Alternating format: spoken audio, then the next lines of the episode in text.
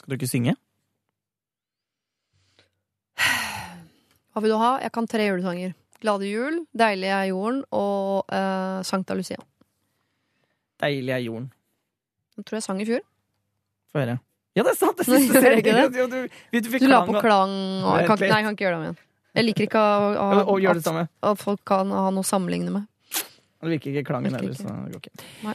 Nei, men dette var da tre trivelige timer, det. To eh, danseglade menn og en Vanskelig å sette en sånn Vaskeglad, ryddeglad kvinne. Ja. Hun er så ryddegæren. Ryddegæren. Vi, altså, eh, Synnøve Skarbø har gitt ut en bok som handler, eh, handler om rydding, men på forskjellig plan. Da, både inni hodet sitt, men også sånn ut.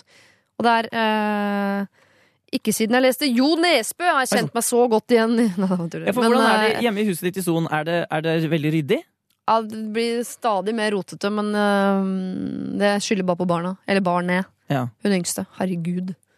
Men er du så, så Nå har jeg sagt, begynt å si til Signe at de lekene som ligger i stua, de kaster jeg. jeg gjør ikke det, men Du skremmer henne. Ja, for, for mora mi er sånn som på en måte Jeg, er, jeg er ganske ryddig type, men øh, vi snakket om min ryddighet. Var? Jo, kvitteringer. Ja. Altså, jeg har masse kvitteringer for hele år, men jeg har dem samlet på et sted, og det ligger i riktig rekkefølge. Så, så dette forklarer litt om hvordan min ryddighet er. Altså, Jeg syns at ting skal være ryddig, men jeg er ikke sånn eh, For eksempel hvis det er noe på kjøkkenbenken. Ja.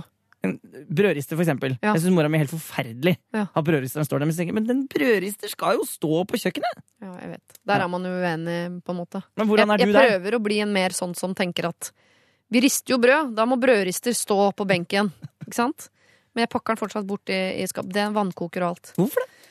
Men jeg har blitt Nei, jeg vet ikke. Det er akkurat som man tror at hjemmekoselig er sånn som det er på visning. Det er jo feil. Jeg, men jeg er ikke minimalist, så jeg har masse greier stående framme. Men det er fordi jeg er så glad i ting. Ja. Jeg er minimalist, men også materialist. Mm. Og øh, ikke anarkist. Overhodet ikke. Jeg elsker regler. jeg bare kom ikke på noen andre kister som jeg kunne stå innunder for Altså, uten å høres helt jævlig ut. Altså, du elsker regler, bare, du elsker regler, bare ikke de som håndhever dem. jeg elsker politiet, jo. Nei, men, nei, jeg tenker på sjefer, jeg.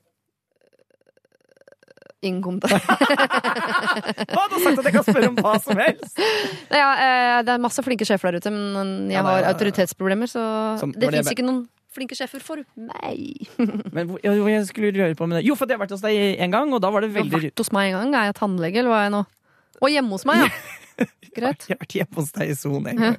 Og da var, husker jeg det var veldig ryddig. Ja, sånn pleier det å se ut. Og lokføreren eh, lå og så på fotball, Mm. eh, og det er det jeg husker. Ja. Husker ikke hva vi skulle for noe. Hver fredag drikker han to øl. Ser litt på han, er, ryd- han er ryddig, han også. Ikke så ryddig som meg, men det, det hadde vært litt turnoff hvis han var så ryddig som meg. Altså. Jeg, lik, jeg tenner jo ikke på nevrotiske menn. Nei. Nei. Eh, og med det så kaster vi oss inn i nevro, masse nevrotiske folk. Ja. Ja. Her er det mye nevroser. P3. Dette er Lørdagsrådet med Siri Kristiansen. På P3. P3.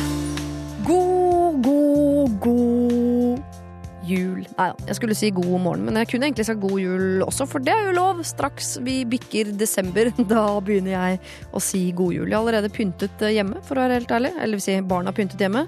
Funnet fram alskens stygg julepynt som er hengt på da, alle små eh, knapper og knikker og dørhåndtak og alt som stikker ut fra veggen. Og huset mitt, som var et nydelig minimalistisk skandinavisk hjem, ser vips ut som et russisk horehus. Men det får jeg leve med til over eh, nyttår.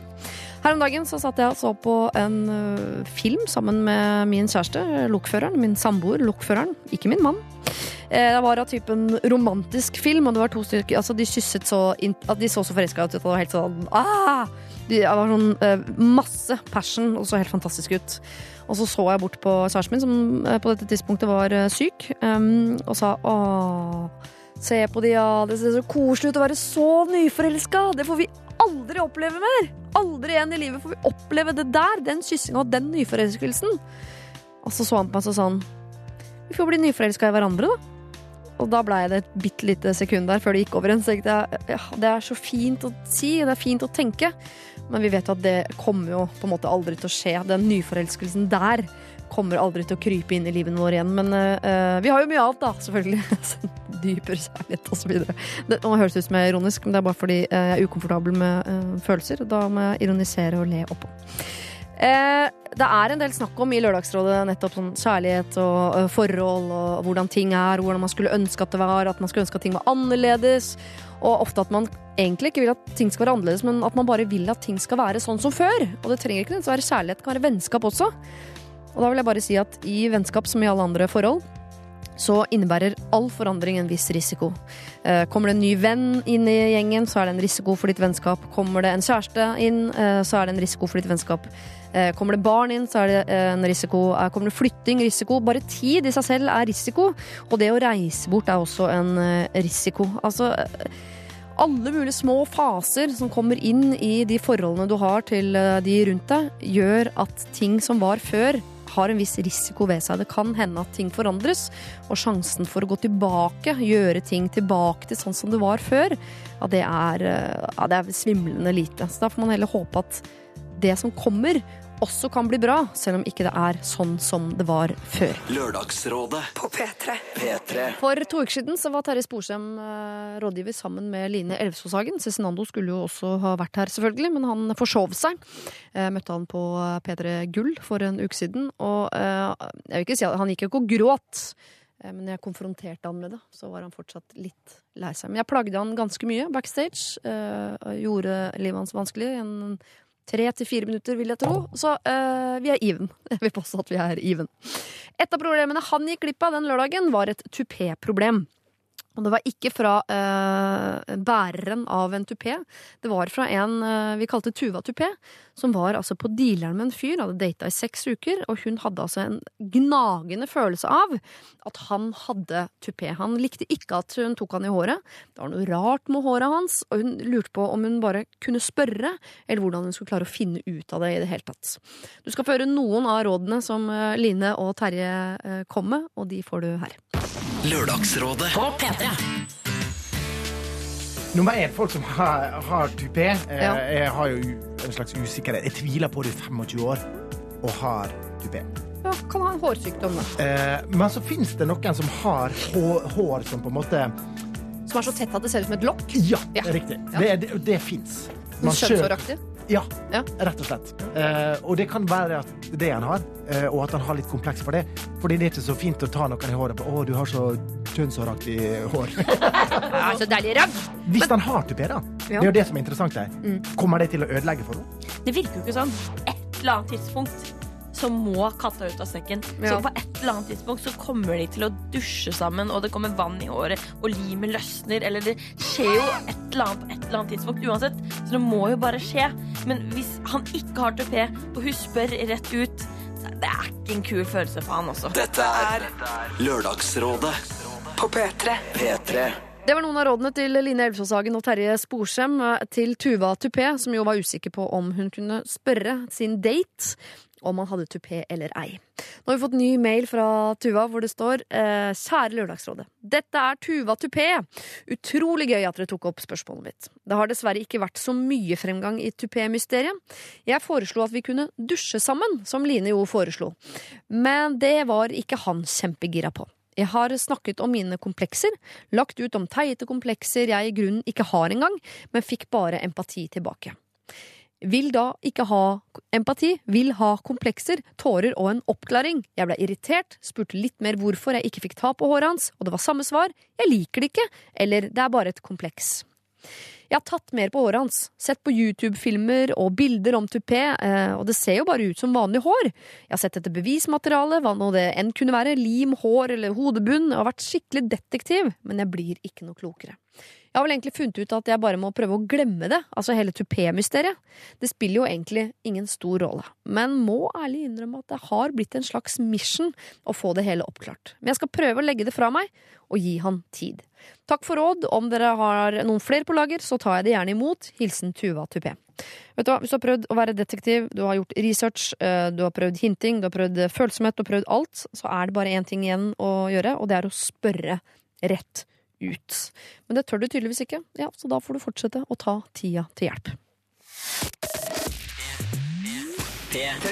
Dette er P3 Jeg er ikke helt alene lenger. Jeg har fått uh, tre rådgivere ved min side. Slutt å gli som om jeg har sagt noe dumt allerede. Synnøve Skarbø, Stian Blipp og Atle Pettersen, god morgen. God morgen. God morgen. Velkommen, Atle. Tusen takk. Hvorfor tok det så lang tid før du kom hit for å være rådgiver? Nei, altså, det må jeg nesten spørre deg om. Hvorfor tok det så lang tid? Jeg har sittet nå og venta i år ut og år inn. Debuterer du i dag? Jeg debuterer i lørdags. Ja, altså, han har så mye råd bygget opp i seg nå, denne gutten. Ja. For dere kjenner hverandre ganske godt nå, Stian og Atle. Er eh, Atle en rådaktig mann, Stian? Du, jeg, eh, jeg, jeg tror at han har potensial til å, eh, å, å sende mange inn på den rette vei der ute i dag. Ja. Ja, jeg sier potensialet, for jeg er ikke, pinner ikke helt sikker. Nei. Men er du sånn følsom type, Atle, eller er du mer sånn- Ja, jeg kan være litt følsom, men jeg er også veldig sånn eh, realistisk. Ja. Ja. Mm. Vil jeg si kynisk? Ja. Litt mer sånn Ja, ja, ja litt sånn Nei, men slutt å tulle. Ja, dump han. Ja, bare bli ferdig med det. Liksom. Okay. ja. Åssen er du der, Synnøve? Ikke- Ikke fullt så knallhard, kanskje. Jeg føler jeg, litt, jeg stiller vel med den mest emosjonelle, de mest emosjonelle råda. Tipper jeg, da. Ja. Ja, Dog med mest livserfaring av alle i dette studioet. Mm, mm. Mer enn meg? Ja, faktisk. Et par-tre år. Fire, fem, seks, jeg vet ikke. Årstall. Men hadde ikke du noen år eh, tidligere hvor ikke du erfarte noen ting? Ja, men det, det, jeg, jeg vil jo si at altså, år i seg sjøl kan, kan ikke gi deg livsvisdom. Jau. Der er jeg litt uenig. Ja. Synnøve, du er jo eh, verdensmester i å stille spørsmål. I dag Ja. skal du jo svare på spørsmål. Ja. Hvordan går det? Det går helt fint. Du liker det òg? Jeg liker det veldig godt så lenge det ikke handler om meg sjøl. Ja. Og det er det nå ikke i dag. Nei, det gjør ikke det i dag, men det er veldig lett å kjenne seg igjen i en del eh, ting. For man har jo alle Eller alle har ikke blitt dumpa. Sjøl har jeg aldri blitt dumpa, for eksempel. Men eh, Har du det? Nei, jeg har ikke, hatt- har ikke hatt så mange kjærester, men de få jeg har hatt, de har jeg hatt gleden av å dumpe. Skal jeg så får vi se åssen det går med han jeg er sammen med nå. Om ikke jeg får en liten baksmell der. Det er ikke godt å si. Eh, jeg skulle spørre dere, eh, Stian Atle, fordi jeg vet at, eh, at du, kan, du er flink til å synge. Det vet jeg. Eh, Stian, du er flink til å danse. Det vet jeg. Men i Singing in the Brain må dere gjøre eh, må dere, må dere både synge og danse begge to? Ja. Ja da. Ja, Kan dere begge deler? Begge to? Nå kan vi ja, det. sier det. Ja, vi kan det. Ja, vi kan det. vi kan det. Ja, hva var, verst, var det verst å lære deg å danse, Atle, eller var det verst å lære Stian å synge? Eller? Det, det kan jeg svare på med en gang. Det var verst å lære meg å synge. Eh, Ja. det, det kan jeg si med en gang. Men Atle, du var med i Skal vi danse, var ikke du det? Ja, Jeg har dansa Ja. en, eh, en liten gang før. Kom ikke du ganske så langt med? Jo, jeg vant vel det programmet, så hvis jeg husker. Det er en pokal som står hjemme hos meg og sier at eh, Shit, ass. Ja. Så, Så du, ja, du vant et danseprogram, men du vant ikke syngeprogrammet, så du er egentlig en enda bedre til å danse enn å synge. ja, egentlig. det er feil bransje. Så totalt sett er du bedre enn Stian da, i Singing in the Rain. Å, det var dine ord. Det vil jeg ikke si, altså. Eller- ta take it! Ta det til deg! Nei, Uh, men eh, det som er uh, jeg vil, jeg, Men helt ærlig så vil jeg tørre å påstå at Stian er bedre enn meg i den musikalen. Nei, du er bedre enn meg. Nei, Og sånn kan vi fortsette i hele dag. Men nå er jeg litt eh, Mine kunnskaper, og her må du gjerne fylle inn, Synnøve, hvis du er Mm. bedre enn meg, men mine Singing in the Rain-kunnskaper, de, altså, de er litt rustne. Jeg har sett det Ja. i London. Det eneste jeg husker, var at det regna inne på scenen. Det syns jeg var innmari imponerende. Mm. Eh, bortsett fra jeg skjønner ikke hvem dere spiller, for eksempel. Er det noen av dere som er han med paraplyen som faktisk synger i regnet? Ja, det er meg. Ja. Det er deg, ja. Ja. Men kjapt fortalt Er det så- hovedrollen? Det er hovedrollen. Det er hovedrollen. Okay. Ah. ja, Eh. Men kjapt fortalt så er det jo en historie fra 20-tallet ja. hvor eh, man begynner med talefilm. Så det handler om et, eh, to filmstjerner som lager stumfilmer, og overgangen da, hvordan man takler den eh, talefilmgreia. For hun ene som er superstjerne, hun har en forferdelig stygg stemme. Oh, ja. Hvem er det som spiller hun, da? Eh, Siren Jørgensen eh, spiller da karakteren Lina Lamont. Ja. Og som- hun har forferdelig stygg stemme, eller? Nei, hun gjør seg jo til, da, men karakteren er eh, en ordentlig kråke. Men får hun aldri synge fint på slutten? Liksom? Nei. Det er ikke slik at hun Nei. blir flink? Nei, hun blir aldri Den andungen blir aldri en svane. Det Men er kunne ikke dere da like så godt funnet ei som ikke kunne synge? Eh, jo, men det så, det var, altså, i det teatermiljøet sånn, de, er så, de, er så, de er så flinke alle sammen. Ja, ja. De, de finner ikke noen som er dårlig til noe i den gjengen der. Men du, eh, når, du, du levde jo når talefilmen kom. Etterkrigstida i USA var jo du rimelig på høyden.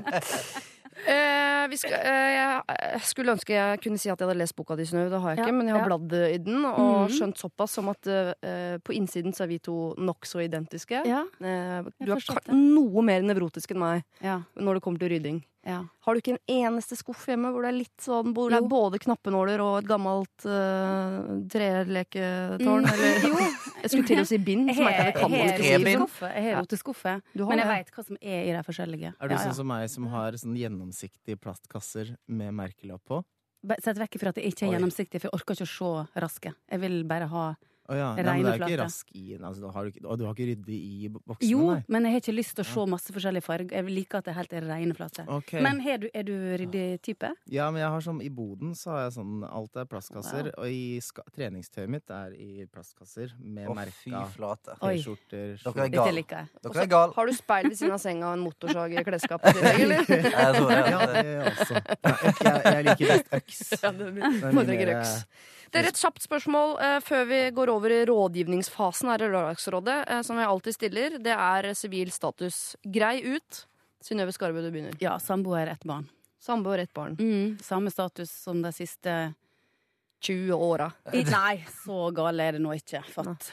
Det er du som starta tulle med alder-greiene. Jeg bare jeg fyller inn. Jeg fyller Jeg skal aldri nevne det meg. Stian, åssen er det med deg der? Er det noe, noe news? Du, det er samboer. Eh, null barn, gammel hund. Gammel hund. Kjempegammel hund. Som, eh, Omplasseringsbikkje, eller Nei, fulgte dere med dama? Jeg fulgte med damen, eh, og jeg er nå kom, blitt sånn snart tolv år. Har du blitt glad i han? Jeg er blitt veldig glad i han, men nå er han liksom begynt å bli så, litt sånn gammel mann, så nå driver han og bæsjer rundt omkring og uh, har noe Ja, han, er blitt en vimsete liten eh, bæsjemaskin. Da må du skyte den på jakt. Du vet, det, det er mannens oppgave. Men der kan ikke jakte engang. Altså, det er en pomeranien, så den kan jakte kjærleik. Det er det jeg kan, liksom. Nei, da må du ikke skyte den. Eh, er det med deg, Atle? Eh, nei, det er vel akkurat det samme som eh, Stian sa. Samboer, gammel hund. Har du også en gammel Ja, pomeranien. Fulgte med dama. Hvor gammel er din, da? Jeg klarer ikke å Jeg pleier å være god på ironi, men jeg klarer ikke å se det. Om det er ironi eller ikke. dette er ikke ironi. det, det er helt sant. Helt sant. Dere er det samme mennesket. Det er Latoya og Michael Jackson. Altså, det, og dere kan bli enige om hvem som er hvem. Det er samme for meg. Oi, det ble for mye for meg. Ja, så, det, det der må jeg tenke på. Så sånn er det. Hvem har eldst hund? Jeg vet ikke hvorfor jeg lurer på Jo. det. Stian har Stian. helst- Men det er forskjellig farge på hundene, da. Sånn Ja. noe forskjell Ja, er ja, det. er ikke helt likt. Så Er det noen av dere som har fargen karamell, som jeg mener er den fineste hundefargen? For Jeg vil, si litt på min, rådyr. jeg vil si min er i karamell eh, Han var, hasselnøtt. han var. Han har blitt ganske grå. Ja, han har blitt ganske grå nå. Men, Karamell. eh, han var. Gråsprengt karamell. karamell. Gråsprengt karamell. Muggen karamell. Da går vi rundt da, vet du, i parken, Stian og jeg med hver vår pomeranien og synger er, i, er dere i lag på fritida synger i hele tida? regn og Nei, vi, vi er ikke sammen på fritiden hele tiden. Nei. Eh, Men har dere liksom funnet helt helt tiden. tonen? Er dere, er- kommer dere til å holde kontakt etter 'Singing in the Rain'? altså, det, det er liksom som å si Paradise Hotel, om vi kommer til å være venner på utsiden. På utsiden, Ja. Ikke pirke de, ikke pirke de sårene der. Det blir bare grining.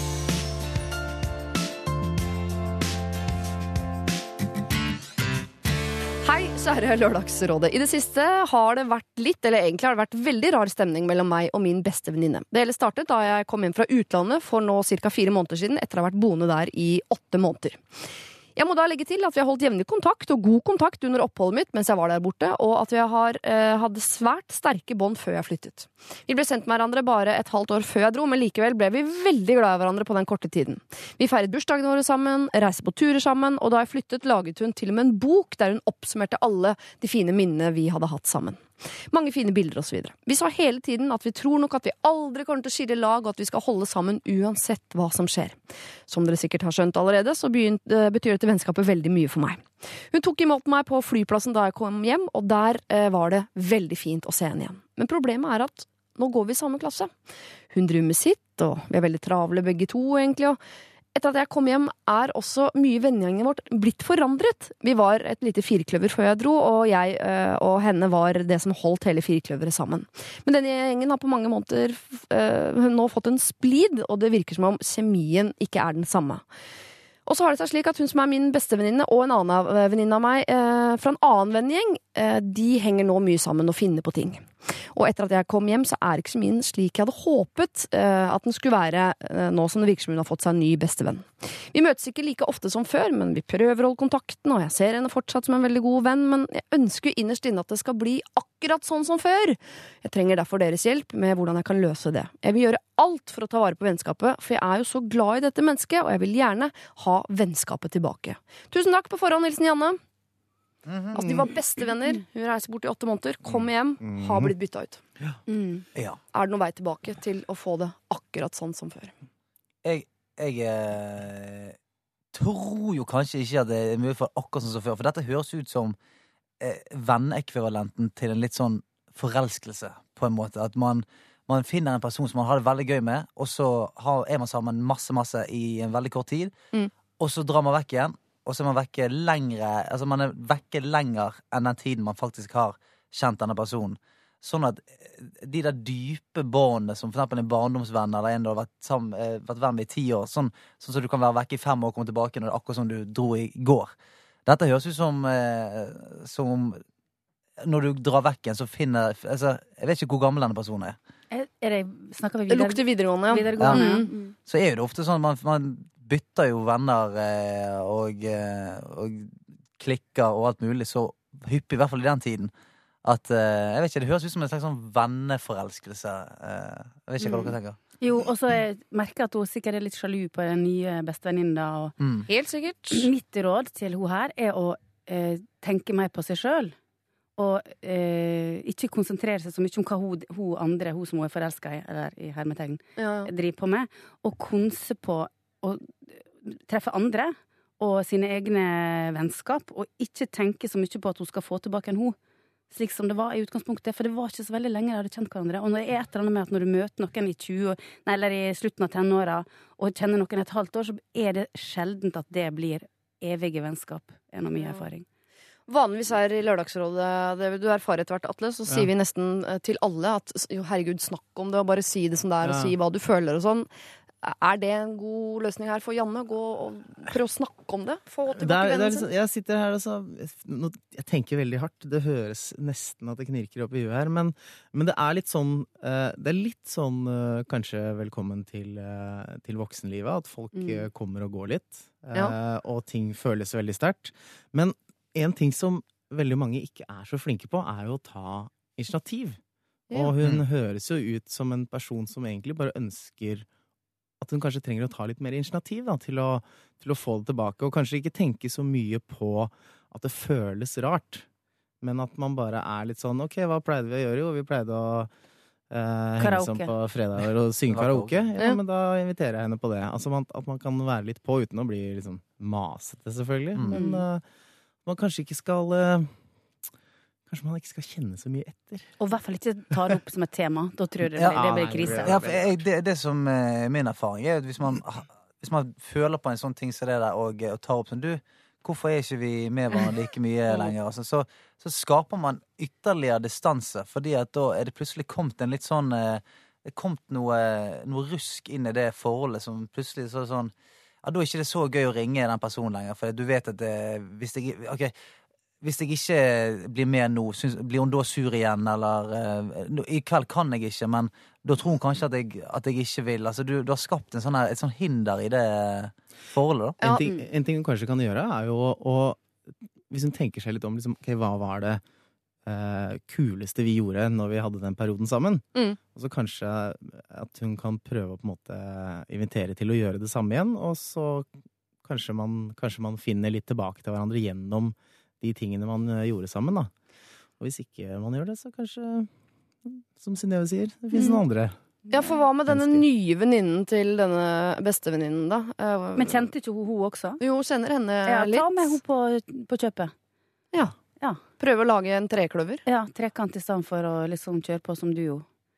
Ja, for det er, veldig, det er veldig fint å høre på når dere sier det, for det er litt sånn, kanskje litt typisk jentegreier at man skal analysere. Jeg tipper kanskje at du, Janne, sitter litt sånn på gjerdet og Mm. ser på at de to leker så fint der borte, og stak, eh, ikke med meg som sitter her. At det er bedre å bare hoppe ned fra gjerdet, ta initiativ, finn på noe gøy. Ikke legg det på noe sånn prat og Mm. eh, ikke Men bare Ja, finn på noe litt- som dere syns ja, er gøy, liksom. Gutter er litt sånn annerledes der. Vi er litt mer sånn Ja, jeg hadde egentlig tenkt å henge med Stian, men nå ringte eh, Roy her. Så ja, men da blir vi med hele gjengen, og så Mm. Mm. Ja. bare gjør vi noe greier, og så er det god stemning. Det virker jo ikke som det er noe eh, Det virker jo ikke som de har noe de har kranglet om. Nei. Det bare føles litt annerledes, og det vil det jo alltid gjøre når man har vært borte og folk forandrer seg, og ting forandrer seg. Ja, for Og det er ikke egentlig velkommen til voksenlivet heller. for Hvis man tenker seg om, så har det vært sånn hele veien. Ja, ja. Fra barnehagen av, så er det jo den ene uka, så er det hun, og så er det hun, Ja, ja, og så er det hun. Og sånn det er er det jo gjennom hele Til og med mutter'n holder på med det her. De bytter ut venninner. Det tar aldri slutt, på en måte. nei.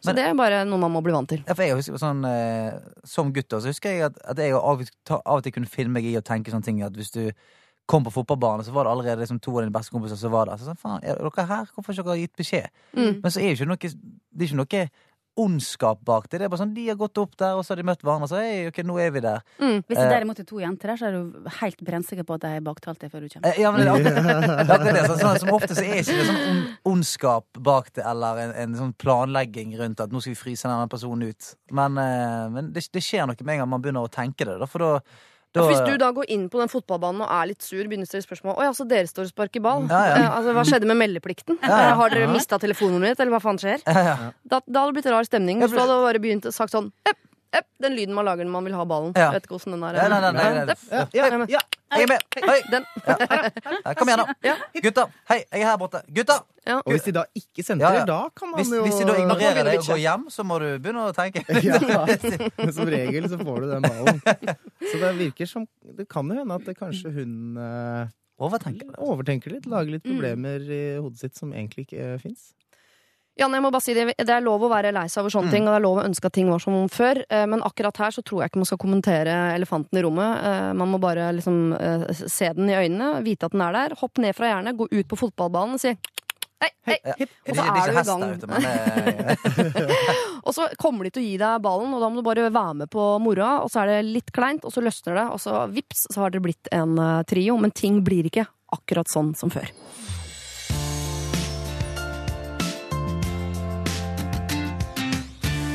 På Pettersen, åssen syns du det går? Nei, jeg er meget fornøyd med egen innsats så langt. Altså. Jeg føler, jeg føler meg klok og vis, og at jeg har mye å komme med. Ja, Ja. absolutt. Så bra.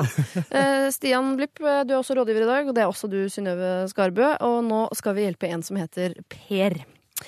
Hei, jeg har et problem som jeg virkelig trenger råd med. Er det, går det an å si? Gå til, ikke? På, dialekt, men på din dialekt, Synnøve, så tror jeg man kan si det. Råd med. Trenger Råd råd med. Nei, Nei. Ikke så jeg bruker å si i hvert fall. Nei, da er det skrivefeil, da, Per. Ja. Ok. For, for noen måneder siden så flyttet jeg inn sammen med min beste venninne. Jeg var først litt skeptisk fordi hun er så innmari følsom, men jeg bestemte meg for å kjøre på. Tingen er at vi har det ganske bra sammen, men hun blir så såret av ingenting. Og hvem skal alltid få skylda? Jo, det er meg. Sier jeg en ting feil, så snakker hun ikke til meg på flere timer, og så kommer hun med beskyldninger om at jeg bryr meg mer om andre enn om henne. At hun føler at jeg ikke liker henne, og at jeg ikke har det bra. Tingene er at jeg eh, har det bra, og jeg syns at vi har det bra, men tydeligvis mener hun noe annet. Og ja, jeg er en person som matcher med de fleste mennesker, jeg har et sprudlende humør. Men det virker som om hun forventer at jeg skal være i et sprudlende humør hele tiden. Kan ikke jeg få lov til å være litt mindre glad da, når jeg er hjemme? Nå pleier jeg veldig sjelden å være lei meg, altså, men det virker som hun vil at jeg skal være der hele tiden, og det tærer på meg. Det virker, ikke som, det virker ikke som hun forstår at jeg er glad i henne, og det gjør at jeg blir lei meg. Jeg begynner å tvile på at dette var rett valg, fordi jeg blir så såra av alle beskyldninger hun kommer med til meg.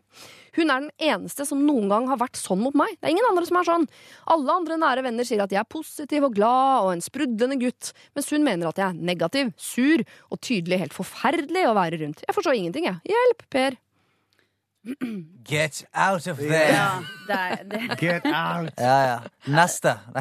Nei, men uh, vi, jeg, jeg, Det første jeg tenker, er jo at det, dette er jo et veldig destruktivt uh, boforhold. I, i, virker som i begge ender. Og venneforhold også. Ja, ja, altså, Hvorfor vil han være venn med henne? Det var venn, sant? Det var ikke samboer som Nei, det de er bare venner. Men- de bor jo i bokollektiv. bokollektiv. Ah, Men det er jo den gode, gamle sånn Åh, vi er kjempegode venner. La oss, vi kan bo sammen. Ja, vi. kan klare det. Alle kan jo- ikke bo sammen. Nei, Altså. Det er, da, da finner man ut hvor gode venner man egentlig er. ass. Ja, for det er vel en grunn til at folk sliter med å finne den rette som man bor med sammen hele livet og sånn. Ja, Eh, det er ing... Det er ikke Altså, jeg, kjære alle de få vennene mine som fortsatt hører på Lørdagsrådet. eh, Et lite stikk der. Nei da. Eh, altså, det er ingen av mine venner jeg kunne bodd med. Virkelig. Nei, det- Altså, at det, de, det, det fins ikke en venn i mitt liv som jeg kunne bodd med. Nei. Så det er jo litt sånn uh... Men du kunne kanskje det for 20 år siden. Dette her er en epoke i livet når du bor i kollektiv og er litt sånn ikke har så høye standarder. Men jeg syns det høres helt ut som at dette her ikke er et vennskap for livet. Nei, og så virker det som et uh, boforhold som går, går forbi sånn Du, husk å trekke ned, og det ligger skjegg i vasken. Dette virker som sånn du kommer hjem, og så bare får du En skyllebøtte. Ja, du får en skyllebøtte, og, og det er generelt sett uh, ubehagelig å være hjemme, da. Jeg tipper, dette, jeg tipper Per-en eh, blir en time ekstra på puben før han stikker hjem, fordi at uh, når han kommer hjem, så blir det Du, du ringte ikke meg i dag. Du, hvorfor er ikke du glad? Har jeg gjort noe? Altså, det virker som en jeg, jeg, får, jeg får vondt i kroppen bare av å tenke på det. Det virker som et ek- ekstremt stressende oh, liv. Ja, jeg Og det er, ikke, det er ikke damas engang. Det er venninne, liksom. Hva. Ja, det er ikke hva for, what's in it for him, spør jeg nå bare er, dette vennskapet. Det Ja. virker som det er bare pes. mm. Bare beskyldninger og pes, ja. Flytt ut, Men hva skjedde med hun Jeg vet ikke hva hun heter, men hva skjedde med henne etter at hun flytta sammen med Kanskje hun Per? Kanskje hun forelska, ja. Oi! The plot thickens. Mm, og så blir jo såra når han er liksom blid og glad med andre og litt sånn stressa med henne. Ah, det- it all makes sense. Eller at hun er når Vi først snakker om sånne perioder i livet At hun er på vei inn i en periode hvor hun ikke har det så bra, så hun klarer ikke å være sprudlende og glad. Og da syns man jo alle andre som er sprudlende og glad, er glad bare er falske og jævlige. Og, Ja, ja. altså, fordi, Ah, jeg husker jeg hadde en sånn periode, ja. Irriterte meg voldsomt over folk som var blide. Hvordan kom du deg ut av det, Atle? Nei, jeg øh, Var det da Bikram-yogaen kom inn i livet? Ja, det var noe sånt. Men kan, kan, jeg, kan jeg få skyte inn her at hun, hun gir jo egentlig bare pes for å ikke være sprudlende. Hun sier at han Ja. ikke er sprudlende, mens alle andre sier han er sprudlende.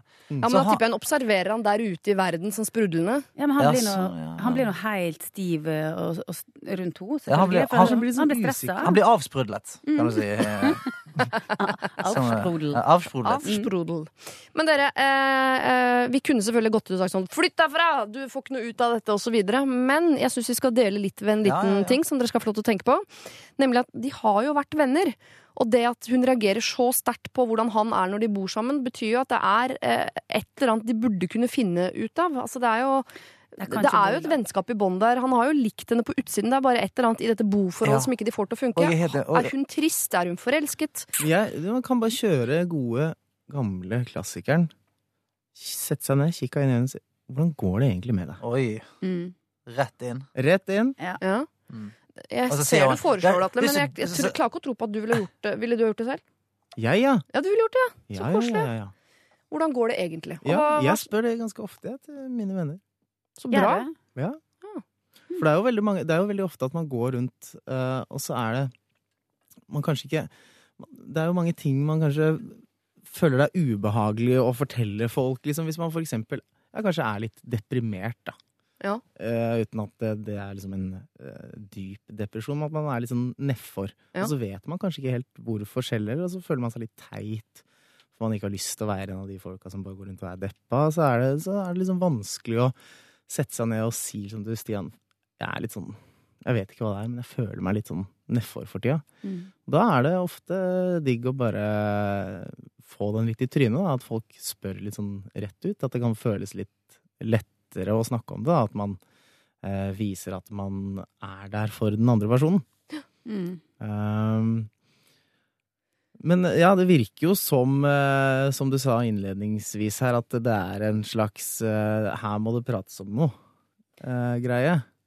Ja, for jeg bare jeg ser for meg at hvis Det det, kan, bare, det kan jo hende at hun hadde håpet at ved å flytte seg med han sprudlende typen der, så smitter det over på meg, så jeg kommer meg Mm, ut av min sånn melankoli og over i liksom sprudlende fasen i livet. Men så flytter hun seg med han, så viser jeg seg at du bruker opp sprudlinga di der ute. Så når du kommer hjem, så er du nede på sånn, eh, sånn dårlig humørnivå sammen Ja. med meg. Så vi skulle dra hverandre ned, vi, istedenfor at jeg, du skulle dra med meg opp, eller Jeg bare ser for meg at du kan være litt sånn skuffa over at han ikke liksom Men det er jo også alltid to sider av en sak, da. Det er sånn, Kanskje Per også skal tenke over sånn Hvordan er jeg egentlig så sprudlende hjemme som jeg tror jeg er? For det kan jo hende han ikke er det òg. Nei, Jeg tror ikke han er så sprudlende hjemme, for det virker som han eh, Og det skjønner jeg også, at han må få lov til å ha en frisone fra sprudling. han også. Ja, Ja. han kommer hjem, så er det lov å sk- skru igjen korken, liksom. Veldig stress å være et kollektiv der du føler at du må servere underholdning hele tida. Og være sprudelvasser fra morgen til kveld. Hadde ikke holdt ut. Altså, det, det er tungt nok å være sprudelvasser eh, liksom fra ni til fire på en eh, jobb, om du ikke du skal liksom, skru på sjarmen idet du sitter, kommer hjem til middagsbordet. Men eh, altså Fikk jeg et dystert bilde av samboerskapet med deg. Og kommer du hjem, Stian, til kjæresten din, og så er du pottesur, ikke noe sang og dans eller noe. Legger av deg dialekta og sjarmen og Nå er det, ja, ja, da snakker jeg en annen dialekt og sier nå er det stilleleken og eh, ikke gjør noe. Men eh, det hører, altså, hvis dette har funket før, så altså, Og det er jo ikke så mye investert i dette samboerskapet. Sånn at det å flytte fra hverandre virker jo som om det er medisin for både vennskapet og eh, Det er stress å flytte. Mye esker. Mye banankasser. Men eh, det høres ut som det er medisin for det. Ja. Jeg skulle gjerne kommet med noen råd for å prøve å bli det, men det, det er ikke noe investert i det. Det, så, det er ingenting å Altså, det høres ut som det er mye mer å vinne på bare OK, skal vi eh, stikke fingeren i jorden og flytte fra hverandre? For vi hadde det mye bedre som venner før da. Ja, ok, så flytte, men ta den lille praten først på hva det er som skjer her. Selvfølgelig. Ja. selvfølgelig Ikke bare si sånn 'du, jeg stikker', Men sier du det virker som om siden vi flyttet inn sammen, så har vi blitt dårlige venner. Eh, altså, Egentlig alt har blitt godt til det dårlige når vi flyttet inn sammen. Så jeg syns at vi skal flytte fra hverandre igjen og fortsette å være like gode venner. For dette funker ikke. Blir veldig nysgjerrig på hennes versjon av denne historien. Med, da. Ja, ja. Ja, enig. Jeg hadde jo en Per kommer her og lignende bokser meg i trynet opplevelse for ikke så lenge siden, faktisk. Oh, ja?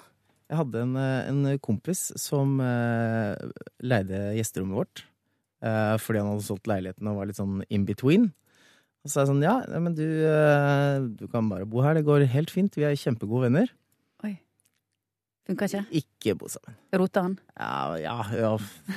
Med damen. Men eh, Nei, men ikke sant? Og da, da tok vi den rett og slett sånn, bare sånn, det, det, vi er mye bedre venner når vi bare Hvor lenge holdt dere ut, da? Det var typ to måneder. Å ja, gud, så lenge? Ja, nei, ikke det. Halvannen måned, kanskje. Oi, Ja. oi, oi. Og Jo, men det- det sånn, innsats. og det var sånn utgangspunktet så var det tenkt en lengre periode. Med dama di også, i Ja, hus? men vi er jækla hyggelige folk, vet du. Ja, ja, ja. Jeg hadde en annen kompis, han bodde der et år, han. Skulle bo der en måned. Altså, det er ikke det det er noe gærent med, det er han er kompisen din, ikke sant? Nei, men Ja, ja. han er sprudlende. Alle Ja, er alle, sier at, at Nei, men, men det er liksom sånn som Stian sier, da. Noen ganger så må man bare stikke fingeren i jorda og si at det her funker ikke, og det er helt greit. Ja, ja. ja, ja. Det er ikke noe big deal. Det Det er er ikke bare noe sånn big, men la oss bare ikke bo sammen, og så er vi bare gode venner som vi pleide å være.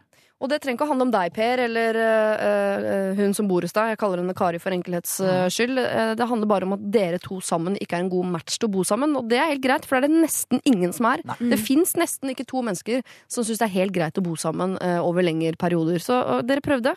Det funka ikke. Hvis du vil bevare vennskapet, så tar dere en liten prat. Og blir det ikke bedre, ja, så er det fram med banankassen, altså. Det beklager jeg.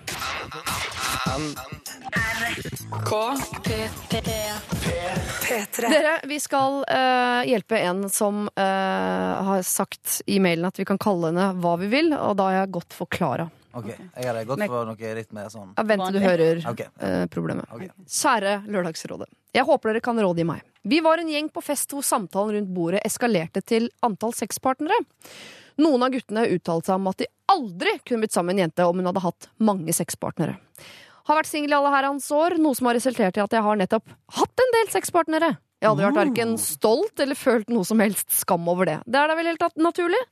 Etter utallige backpackerturer og et tall som har pusha 50, kan jeg ikke annet enn å føle meg truffet når noen uttaler seg om at de syns det er ekkelt med jenter som har hatt mange sexpartnere. Jeg prøvde å forsvare det uten at det gjorde det kom til noe nytte. Problemet jeg nå plutselig har fått, er jo at jeg frykter den dagen jeg kanskje får meg kjæreste, og mest sannsynlig skal fortelle han hvor mange jeg har vært på besøk i. Ikke si det sånn. Ikke si det sånn. Hva skal jeg si, spør hun. Ikke det, i hvert fall. Eh, hvordan skal jeg si det? Er det virkelig lov å lyve og si nei, jeg bare ligger med tre stykker, jeg, kjære? Jeg vet at mange holder det for seg selv og ser på det som noe en partner ikke trenger å vite, men jeg er veldig åpen og en ærlig person, og det ville være rart hvis dette skulle være den eneste tingen jeg ikke fortalte. Help a girl out! Valgfritt navn. Eller Klara, da. Ok. Mm. Ja. Her er bare å ljuge. Er det? Mener du det? Nei, jeg, eh, litt? litt mener jeg det. Men først, som, først og fremst må jeg si, eh, for det var noen gutter som hadde uttalt dette. Ja. Ja, men de Ja, de må jo bare gå og ta seg en bolle, fordi eh, de har i hvert fall ikke noe bedre. Det, det er Ja, men det er en gutt hun skal bli sammen med, da. Jo, Ja, ja, men ingen er deg. Det er jo, da, Nei, da, nei, ingen av de. det er jo for det første er ingen av de, men det er jo utrolig sånn mannssjåvinistisk å uttale. For de har jo sikkert ikke rent få på samvittigheten sjøl. Nei, helt sikkert ikke, men det er en sånn gammel greie med at uh, gutter kan ligge rundt der de kule, mens jentene er vi, vi har feltmadrasser, eller hva. kommet lenger enn det, altså. Ja, vi har det, altså. Ja, men likevel så mener du at hun skal ikke si det? At hun skal ligge? På Ja, jeg, jeg har jo ikke sagt det, jeg heller. Jo, du sa ly... Det var det du Nei, sa først, Jo, men før du begynte å tenke. jeg har ikke fortalt Nei. Hvor mange Ja, jeg, jeg ljuger så det renner av meg, vet. På det Ja, der. er det? Ja, Faen, nå er jeg på radio, det skulle jeg ikke sagt. Ja. Ja. Ikke Ah, hør på! Men du har ljugd opp, nei, du har ljugd opp, ikke sant? Så du egentlig ligger med flere. ja. Egentlig, så er det bare to. 700. Men, eh, men jeg- òg tenker at det er jo det er jo ikke nød, Er det nødvendig å hive den der inn i eh, Altså Hvis man får spørsmål hvor mange har du ligget med, er det Nå, nå stiller jeg et spørsmål her igjen. eh, Og, altså, er det mulig å bare si Kan det være en ting som ikke vi snakker om? Nei. Ja, men hvis jeg hadde spurt uh, sånn Hvor mange har du ligget med? Og han sagt det snakker vi ikke om. Så hadde jeg tenkt sånn Oh, Wow. det er tusen. Ja. Vi snakker tusen. eller, eller, tenk om han, eller, Hadde det vært like rart hvis han sa sånn Du er den eneste jeg har vært med. Ja, heller det. Ja, ja men Heller det? Ja, ja, Man må jo bare si Jeg har spart meg til deg, jeg, altså. Du, jeg vet ikke helt. Det er jo sånn helt normalt. Altså, hvis temaet kommer opp, og det gjør det garantert, vær ærlig. Nei. Jo. Ljug. Nei, nei, dra- nei. Det kommer til å Ja, men altså, hvis vi er til liksom, hvis vi snakker liksom flere hundre, så dra av hundre, i hvert Nei, ja, men jeg, jeg tenker omvendt. Jeg tenker, så, som du sier, sier altså, dra det heller opp sånn at det blir sånn sjokkert Sånn, sånn at det blir sånn, du klarer ikke å forholde deg til det. Slik at han ikke tror på det. For hvis, du sier, hvis du sier sånn jeg, jeg, har vært, 'Jeg har vært med 87', så er det sånn Oh shit, det er ganske mange. Men hvis du sier sånn «Eh, et sted mellom 300 og 400, så er det sånn jeg hadde sagt Jeg klarer ikke å relatere meg til det engang. Nei, Det, altså, jeg, vet ikke på. jeg vet ikke. Kanskje 20 Nei. Da hadde jeg tenkt da er da er tissen din brukt opp. Jeg, jeg Da, da, jeg kan ikke bruke den til Altså, noen ting. ja, hvis det er kilometerstand på tissen din, så er den Den må inn til kontroll nå. Ja, det er EU-kontroll. Ja, ja. Du får nei på Ja, papiret der. Vrakpant. Bare lempe den rett i kvernen. Men det er veldig lett å tenke at dette er noe sånn eh, kjønnsgreier. At gutter syns det er ekkelt med jenter som har ligget med mange, mens jenter syns det er greit med gutter. Men jeg tror faktisk hadde min kjæreste sagt til meg når vi ble sammen at nei, jeg ligger med en 50-60-70 stykker, så det hadde jeg hatt problemer med. Hvorfor det?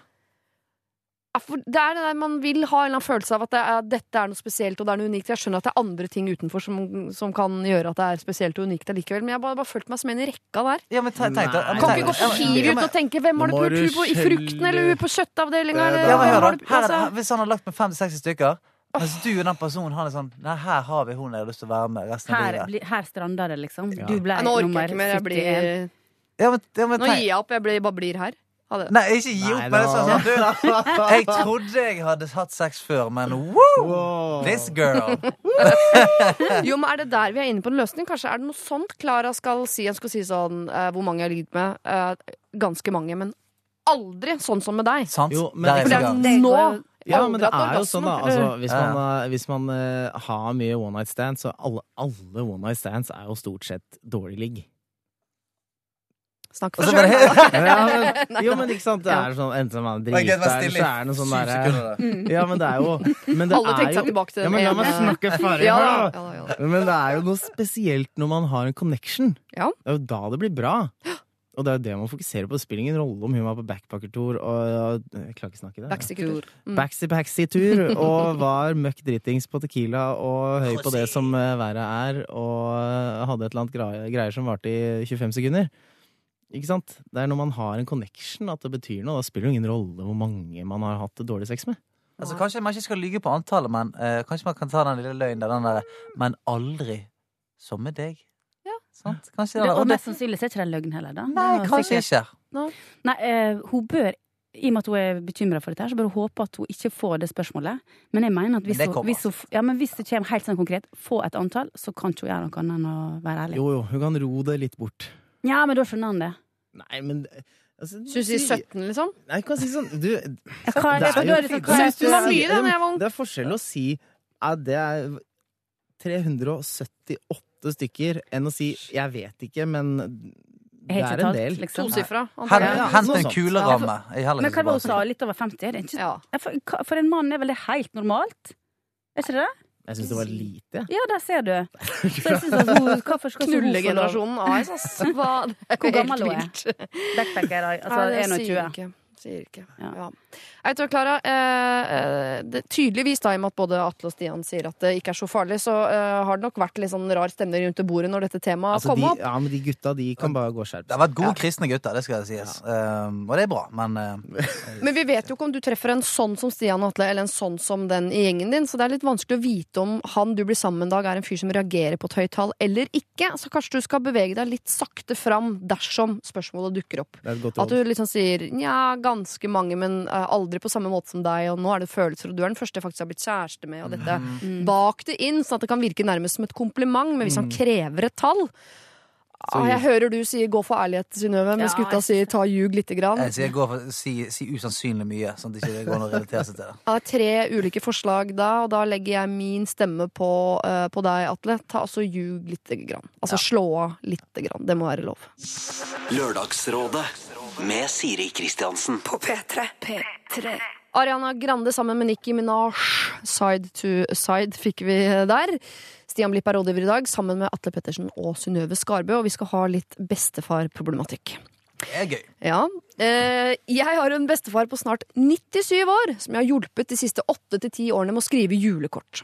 På lista hans er det 31 familiemedlemmer som han hver jul sender et kort og litt penger til, som en julegave og for å vise at han tenker på dem.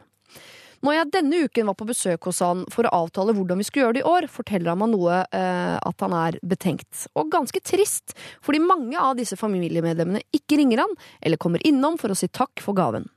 Hypotetisk spør han meg om det ville betydd noe om han ikke sendte noe. Hadde de lagt merke til det? Jeg syns dette var veldig trist. Det er både en personlig tristhet for han i det hele, siden han hvert år ønsker eh, å ta seg bryet med det, men det er også snakk om 6000 kroner totalt for en minstepensjonist, og så er det en del som ikke takker han for det på toppen av det hele. Jeg ønsker gjerne å formidle dette til familien, men er over gjennomsnittet konfliktsky, og vet ikke engang om jeg burde legge meg borti det. Jeg syns uten tvil min bestefar fortjener, om ikke annet, en liten telefonsamtale fra familiemedlemmene som bor i andre deler av landet, samtidig som jeg føler meg hyklersk, siden jeg de siste åra ikke har hatt så mye tid sammen som jeg skulle ønske selv. Så, kjære Lørdagsrådet, kan dere hjelpe meg? Jeg skal kjøre til han nå, eh, om ikke så lenge etter sending, for å pakke og sende, og jeg håper å ha klart å bestemme meg for hva jeg skal si eller ikke si innen den tid. Takknemlig hilsen Ann-Kristin. Oi, oi, oi. Her har helt Vet jeg i hvert fall hva jeg hadde gjort. Jeg hadde ringt rundt til hver og en enkelt som får disse kortene eller gavene, og bare sagt du ringer han denne jula. Og du ringer og takker, og du, svarer på brev, du gjør et eller annet. Og, uten at han får vite det, selvfølgelig. Men det, altså, han har Dette her kan godt hende siste jula. Det er Hun får bare lyge på overfor han. Men ringer absolutt alle. De må svare. Jeg, jeg er helt enig med deg. Eh, og problemet her er jo bare at hun sier at hun er veldig konfliktsky. Sånn at den eh, Men det er ikke konflikt. Det er bare sånn Hei, du, vet hva bestefar er så lei seg for at han ikke hører noe Ja, fra folk. Ja, Men folk som er veldig konfliktsky, de tror at vanlige samtaler er en konflikt. Ja, nei, de tror det er en konflikt å si hei til folk. Ja, men det må Ja. svelle. Han har én fot i grava. Han må få ei fin jul. Ja, jeg er helt enig. Og, og det virker som at dette her er noe som gir han veldig mye òg. Altså det å kunne det å kunne sende ut alle og være, være litt julenisse når, eh, når adventen nærmer seg. Så det virker som det gir han mye, sånn at han, han pøser mye av sin kjærleik og energi ut av dette. Sånn det, og da er det ekstra, ekstra tungt å ikke få denne tilbake igjen. Men eh, jeg, jeg tipper at selv om folk ikke ringer han, så, så sitter de ekstremt stor pris på det. Og eh, det var folk er så dårlige på på denne lille meldingen og Mm. denne lille ringen. Sånn at når du får det, så sier du kanskje til de to som står rundt deg Se, brev fra bestefar.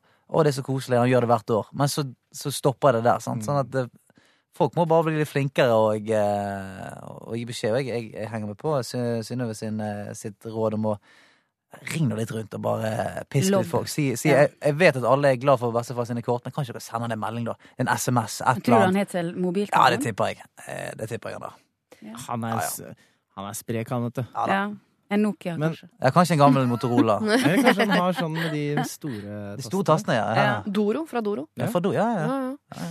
Men eh, for Hun har jo litt dårlig samvittighet også for at hun ikke er så mye sammen med han, men hun drar nå dit hver eneste jul, skriver julekort, sender ut. Altså Hun gjør vel mer enn de andre i Altså, hun, familien. Så. hun, hun virker jo som eh, Hun er liksom eh, litt sånn den ene som, eneste som faktisk gidder å ta seg litt bryet, da. Og det er jo sånn at alle, man har jo travle liv, og man får jo aldri gjort alt man skulle ønske man kunne gjøre. Men da handler det om å i hvert fall eh, gjøre litt, da. Litt er jo bedre enn ingenting. Ja, Så visst. jeg, jeg også heier på den. Det er bare å ringe rundt, ass. Eller hun trenger ikke ringe engang. Hun kan bare sende en melding, for det er konfliktsky mennesker. Det kjenner jeg meg igjen i. Jeg er litt Ja. konfliktsky selv. Ja. Jeg sender alltid melding istedenfor å ringe. Du som ja, tok opp lov. den samtalen med han kompisen som bodde med deg. Ja, men melding? Det er takket være min samboer, for hun gjør, meg, hun gjør meg til et bedre menneske. Nei. Så hun, eh, hun pusher meg i den retningen. Hun sier hun slår meg litt i bakhuet og sier nå må du skjerpe deg. Og det trenger jeg, og det er bra. Men send en melding til dem, for det er ikke så skummelt Nei, enig. å sende en melding. Jeg er helt eh, enig, faktisk. Altså. SMS er eh, 100 godkjent som kommunikasjonsverktøy. Ja, jeg er helt enig. Og, og, og, og til bestefaren nå. Bare en liten sånn Hei, bestefar, tusen takk for, uh, for kort og alt mulig. Hvis han har telefon. Noe som jeg regner med han har, selv om han er 90 år. Ja, hvis ikke så får du fader meg stikke innom bestefaren Ja, men jeg altså. skulle ønske at Han noen kunne komme på besøk til han også, ikke bare sende han en takkemelding. Det er klart at hvis, hvis du bor liksom på Sri Lanka, og han bor eh, på, i Fosnavåg, Ja. så skjønner jeg at du ikke tar en liten eh, helgetur hjem, liksom. Mm. Men sannsynligheten for at du kanskje ikke bor så langt unna, er jo kanskje stor. Og så er det, som- det er jul. Bestefaren Ja. din, han er 97 år. Det er som Synnøve sier, han har kanskje ikke så mange år igjen. Jeg syns, man skal prioritere det, altså. Man, Mm. må, man må ta vare på de, for plutselig så er det vekk. Og så er det og sitter man og angrer på at man ikke dro innom. Og tanken på at han, synes, at han føler på dette her, altså det er meg så trist. Ja, for jeg tror ikke man skal undervurdere hvor, hvor stor den effekten er av å, av å ringe. Eller, altså, jeg har jo, eh, jeg, Min farfar er jo en, en av de jeg er mest glad i, eh, som jeg har. Og jeg, jeg merker at når jeg eh, Altså, hvis jeg ringer han og sånt, eller bare, bare de der små oppmerksomhetene, da, hvor, hvor veldig glad Da sender han meg melding etterpå. 'Tusen takk for at du ringte, og det var så hyggelig'. Og, altså, det har en mye større effekt enn det, enn det man skulle tro, da. Ja.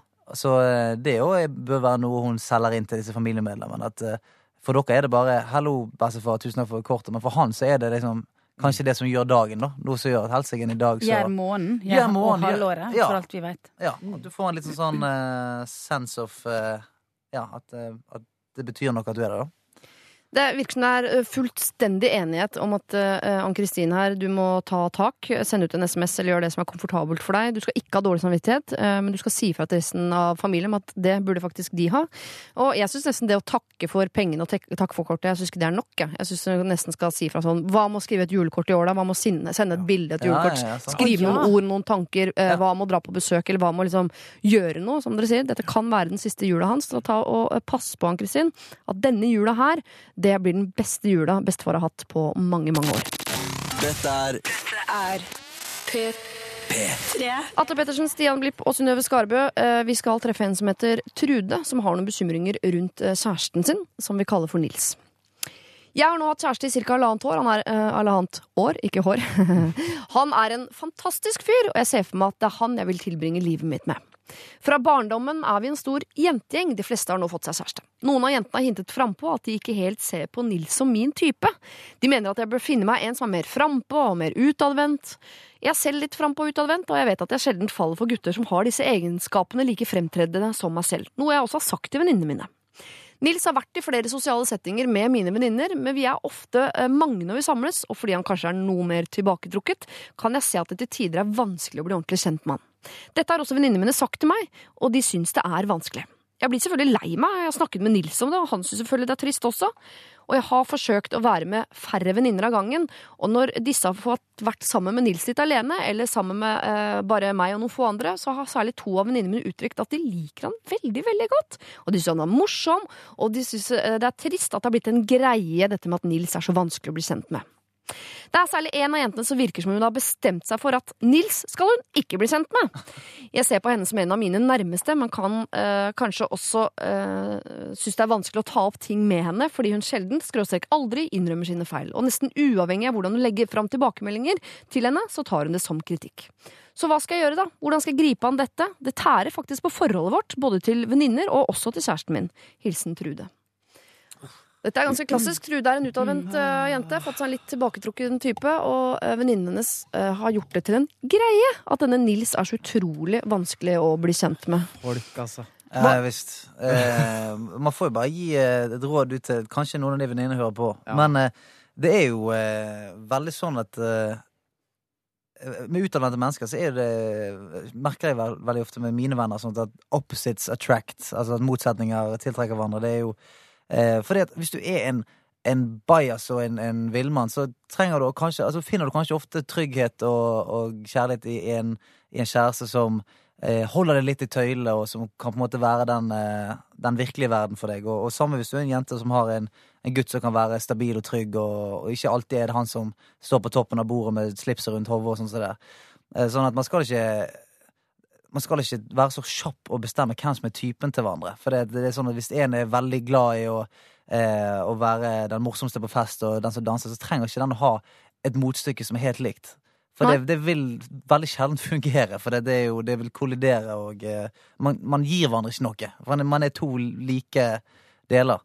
Man Eh, får seg jo ikke kjæreste på vegne av gjengen. Definitivt altså, man ikke. finner jo en man liker selv, ikke en Det skal ikke være en kollektiv avgjørelse. Sånn. Nei, nei. Hvem er det vi synes, uh, fy- uh, Hvem er det som liksom er bra for uh, Nå har vi gjengen her nå? stilt opp fem stykker her, så da tar vi en avstemning på hvem du skal jeg, jeg skal Jeg må bare innrømme at jeg, jeg kan skjønne venninnene litt i det at jeg, jeg har en veldig god venn, og jeg husker når han fikk seg dame, så syntes jeg det var jævlig trist, for at jeg fikk være mindre med han kompisen min. Ja. Sånn, jeg, jeg ville jo at meg og han skulle vel være liksom like spontane som før. Jeg kunne ringe han og si du skal vi stikke og gjøre noe om en halvtime. Så var han der, for han hadde ikke noen dame, og vi kunne finne på ting hele tiden. Mm. Og når han fikk seg dame, så var jeg litt sånn Jeg ga hun urettferdig mye pes, ja, pes inni hodet mitt, i hvert fall. For jeg tenkte sånn Hun der, hun er ikke noe kul. Eh, kan ikke skjønne at hun har funnet den kjæresten og sånt. Men det bunnet egentlig ut i at jeg syns det var kjipt at han hadde fått seg en dame som han brukte noe mer tid på enn meg. Sånn at jeg, jeg ville at det skulle gå dårlig med dem. Ja, ja. Ja, ja. Men her er det jo en gjeng hvor alle har kjærester, men det virker som om disse venninnene til uh, Trude de- vil at han skal uh, gli inn i den gjengen som er den mest naturlige delen av gjengen, som er like skravlete som de og uh, alt mulig sånn. Men sånn er ikke Nils. Nei, Nei. Nei det- altså Når Trude har forelska seg i han, så er det opp til hun om hun vil være med han eller ei. Det er ikke noe som venninnen skal bestemme over eller blande seg opp i i det hele tatt. Så jeg mener at de har plikt til å bli ordentlig kjent med han og finne Mm. ut hva slags type han er, og, og godta at hun er forelska i han og vil være med han. Og ikke minst, det er også Hvis Nils da er Altså, jeg, jeg kjenner meg igjen i Nils. Ja. Ja. Ja. Er det du som er Nils? Jeg er, det, er, det er meg som er Nils. Uh, nei, men fordi jeg er eh, en, en fyr på privaten som er veldig innadvendt. Spesielt når det kommer en setting med mye mennesker. Så liker jeg å sitte borti hjørnet litt for meg selv og Mm. Eh, Men det er på en måte litt sånn uh, venninnenes eh, For det første så må man jo bare respektere hvordan folk er. At hvis Mm. man er en stor setting, så er det ikke alle som kanskje tør, da. For da kanskje Nils føler seg litt usikker, og han kjenner jo ikke alle der. Det er ikke, det er ikke sikkert det hadde vært like godt uh, tatt imot hvis han kom inn og bare Nei, altså, da- styrte showet. Det hadde sikkert blitt like ille, det. Ja, ja, ja. på en måte. Jævla Eh, så det er litt sånn venninnenes ansvar eh, å eh, bli kjent med Nils på hans premisser også, tenker jeg. Mm. Eh, at de må respektere ham for hvordan han er, og kanskje på den festen sette seg ned med Nils da, og spørre Åssen går det med deg, Nils? Hvem er du? Hvem er du? Fortell meg om deg. Altså. Fordi det kan være med på at Nils åpner seg mer og blomstrer, og lar folk bli kjent med ham. Og hun sier nå det at de venninnene som har hatt han på tomannshånd, har likt han veldig godt. Ikke sant? Og syns han er både morsom og eh, gøy og intelligent. Jeg tenker at det handler litt om tid, dette her. eh, Men de venninnene må akseptere han, og det er vel antageligvis ikke Nils sin oppgave, egentlig. Det synes jeg ikke. Eh, Så det er Trude og venninnene som må finne ut av dette her, og det er antageligvis Trude som må ta initiativ til dette her. For Nils her, han altså, til Trude her, kjærestene gjør ingenting feil i det hele tatt. Altså, han blomstrer i en annen setting enn det du blomstrer i, og, eh, og, det at, altså, og til og med det at du er vanskelig å bli kjent med, det er ikke en negativ ting. Noen er mer tilbakeholden og uh, åpner seg uh, litt seinere enn andre. Altså, i den tiden vi er i nå, så er det liksom litt forventet at alle skal være sprudlende entertainere uansett hvor tid. Men altså, noen må du faktisk ha på tomannshånd eh, både tre og fire ganger før de faktisk begynner å fortelle litt om livet sitt eller hvem de er. Altså, og resten er bare et litt sånn sosialt skjold, sosial maske. Eh, så jeg mener jo at eh, Truden bør gå steinhardt ut til vennene sine og, og eh, rett og slett si eh, Ja, gi det en liten wake-up call, da. Ja. Oh. Ja. Riste de litt, rett og slett? Ja, men rett og slett, hvis de er bestevenninner, og dette er en vennegjeng som er glad i hverandre, så eh, må hun bare være klinkende klar på at eh, et premiss for hennes lykke er òg at de tar litt vare på, eh, på de og tar vare på Nils og gir han en fucking sjanse, da. Men vet du hva jeg ville gjort? Jeg har litt mer konfliktsky løsning. Inviter to og to. Nei, inviter en og en, eller to, og få på middag Ja. hjemme til seg. For der er han god. For da er, vet du, da er han på heimebane og i skikkelig eh, Så kanskje spesielt hun da ene bestevenninnen som hadde fått det sånn ekstremt for seg, som hun Ja. kanskje var nærmest med. Dra inn, hanka inn, Få hjem på igjen på litt eh, vin og en ja, middag. ja, ja, ja. Og la Nils uh, kjøre showet. Ja, ja, ja, kanskje Nils er jæklig kan god til å lage mat. Sant? Ja, Man kanskje han kan kan ikke kreve heller at Nils og denne venninnen skal bli venner. Det er Sånn jeg ser allerede i barna, Man kan ikke kreve at alle, alle har ikke god kjemi. Nei, Alle skal nei, nei. ikke bli venner, alle skal ikke leke sammen. Så må kanskje godta at uh, Altså Det er mange av mine venninner som overhodet ikke kjenner min kjæreste, og det er mange av kjærestene til venninnen min jeg heller ikke kjenner. Det og det kommer jeg aldri til å bli heller, men det er ikke så farlig. jeg heier på det. Ja. Jeg heier på den, eh, den eh, tankegangen der om Ja. at alle kan ikke være venner. Nei, nei. Nei, det går Og ikke det. det er greit. Men man må respektere liksom at Ja. det jeg syns er stygt her, er at de, de prøver Det virker som de nærmest prøver å overtale Trude til at Nils er ikke noe ja, type for deg. Kom det ut, Og liksom. det syns jeg hun bare skal si fra til dem om Ja, ja. at det er ikke greit. Nei, det er ikke greit. Han har jeg valgt til meg. Ja, ja. Ja. Sånn, sånn skal ikke vi ha det og her i venninnegjengen vår. Jeg er helt enig. Alle trenger ikke å være kjernevenner og, og bonde over de samme interessene. Det er, det er en eufori. Det, Ja. det kan man ikke gjøre. Og så må man gi det tid. Fordi jeg også har jo da eh, flere av venninnene til min kjæreste som jeg har vært sånn «Åh, åh, orker- åh, Må vi Må vi dra dit nå? Og så går det tre år, da. Ja. Og så er plutselig den personen den kuleste personen jeg vet om i venninnegjengen hennes, liksom. Ja. I venninnegjengen. Merk deg det. Kuleste fyren jeg kjenner, i venninnegjengen. Jo, jo, men altså Kanskje ikke i verden. Stian er den kuleste personen jeg vet om. I i verden. verden, selvfølgelig. Ja, Ja. eh, Men, eh, men det er noe med det at eh, man må bare gi det litt tid, og så kan man, syns jeg hun bare helt fint skal si ifra at dere må respektere det valget jeg har tatt. Eh, Eller så rømmer vi til Mexico Ja. og gifter oss der. Her er det ganske mange råd jeg har lyst til å gi deg, Trude. For jeg synes at det har dukket opp mye fint. Men jeg vil også legge til at jeg tror det også i stor grad handler om at du du må være 100 sikker på at du har valgt riktig. Ja. Du må ikke gå og være flau eller føle at du må unnskylde eller forsvare Nils på noen som helst måte. Hvis de sporer noe usikkerhet hos deg, da er det veldig lett for hyenen å kaste seg på. Så du må være 100 sikker på at Nils han er eh, typen for deg. Ikke bli flau over han i sosiale settingene, ikke han funker like godt som det du gjør, eller de gjør, eller det de forventer. Og ikke prøv å forandre Nils. Ikke si forandre sånn, Nils. Nils, kan du være litt mer jazzy på festen? Nei, for det kommer ikke Nils til å være. Han kommer bare til å bli enda mer flau Ja. neste gang dere er på fest. Alle trenger ikke å leke sammen, alle trenger ikke å elske hverandre. Eh, Det viktigste er at du og Nils gjør det. Og så vet du at hvis du gir det tid, og dere er eh, på tomannshånd eller tremannshånd, så syns jo folk Nils er helt fantastisk. Så eh, hvis du inviterer på noen middager og litt sånn smått om smått, så kommer det til å være folk som liker Nils. Kanskje ikke alle, men det er greit. Dette er Lørdagsrådet På P3. P3. Muggisho med sin hymne til Milano fikk vi der, men eh, det er absolutt ikke Milano nå skal eh, dreie seg om. Vi skal hjem til Norge. Laffen her har skrevet inn eh, til Lørdagsrådet eh, en mail som dere skal få lov til å gi råd til, kjære rådgivere. Nå, merker, nå bruker jeg mange ord for å si egentlig veldig enkle ja, ja. ting. Dere lurer på når setningen er ferdig, alle sammen. Mm, Hold det gående. Stian Blipp, Synnøve Skarbø og Atle Pettersen. Jeg er en ung mann midt i 20-årene som for lenge siden fylte bilen, vinket adjø til mor og satt kursen mot Tigerstaden. Et av mine beste valg i livet. Jeg og familien eh, hjemme på Vestlandet har et godt forhold. Vi ringer ofte, samles i ferier, ler, gråter, krangler og trøster. En typisk familie. Det som derimot plager meg, er mammas forventning om sønnens store hjemkomst. Jeg syns mors sitat forrige påske skisserer dette godt. Du får få deg en som er herfra, Laffen. Om to år er jeg ferdig utdanna og er ganske avslappet til det hele. Kanskje jeg skal kutte litt studielån og renter i Finnmark? Kanskje jeg skal til utlandet? Hvem vet? Hjembyen min, tross sin skjønnhet og glede, er ikke øremerket for meg. Hva om jeg får meg en kjæreste som vil bo på Østlandet? I vår dumpet jeg faktisk en jente fordi jeg visste at hun var negativt innstilt til mitt hjemsted som bosted, og da arresterte jeg meg selv. Jeg blir veldig påvirket av familien hjemme, med andre ord. Jeg står nå med ett bein i begge leirer og klarer ikke å bestemme meg for hva som er riktig. Må jeg hjem til slutt? Er det moralsk forkastelig å ikke bo nærme mor når alderdommen gjør, gjør henne trengende? Må jeg finne en kjæreste basert på postnummer? Selv vet jeg at mor forlot sin hjem hjemby og returnerte ikke på 20 år, så hvem er hun til å si noe? Men så tenker jeg selv, hva om mine egne barn aldri kommer hjem til meg igjen, Laffen?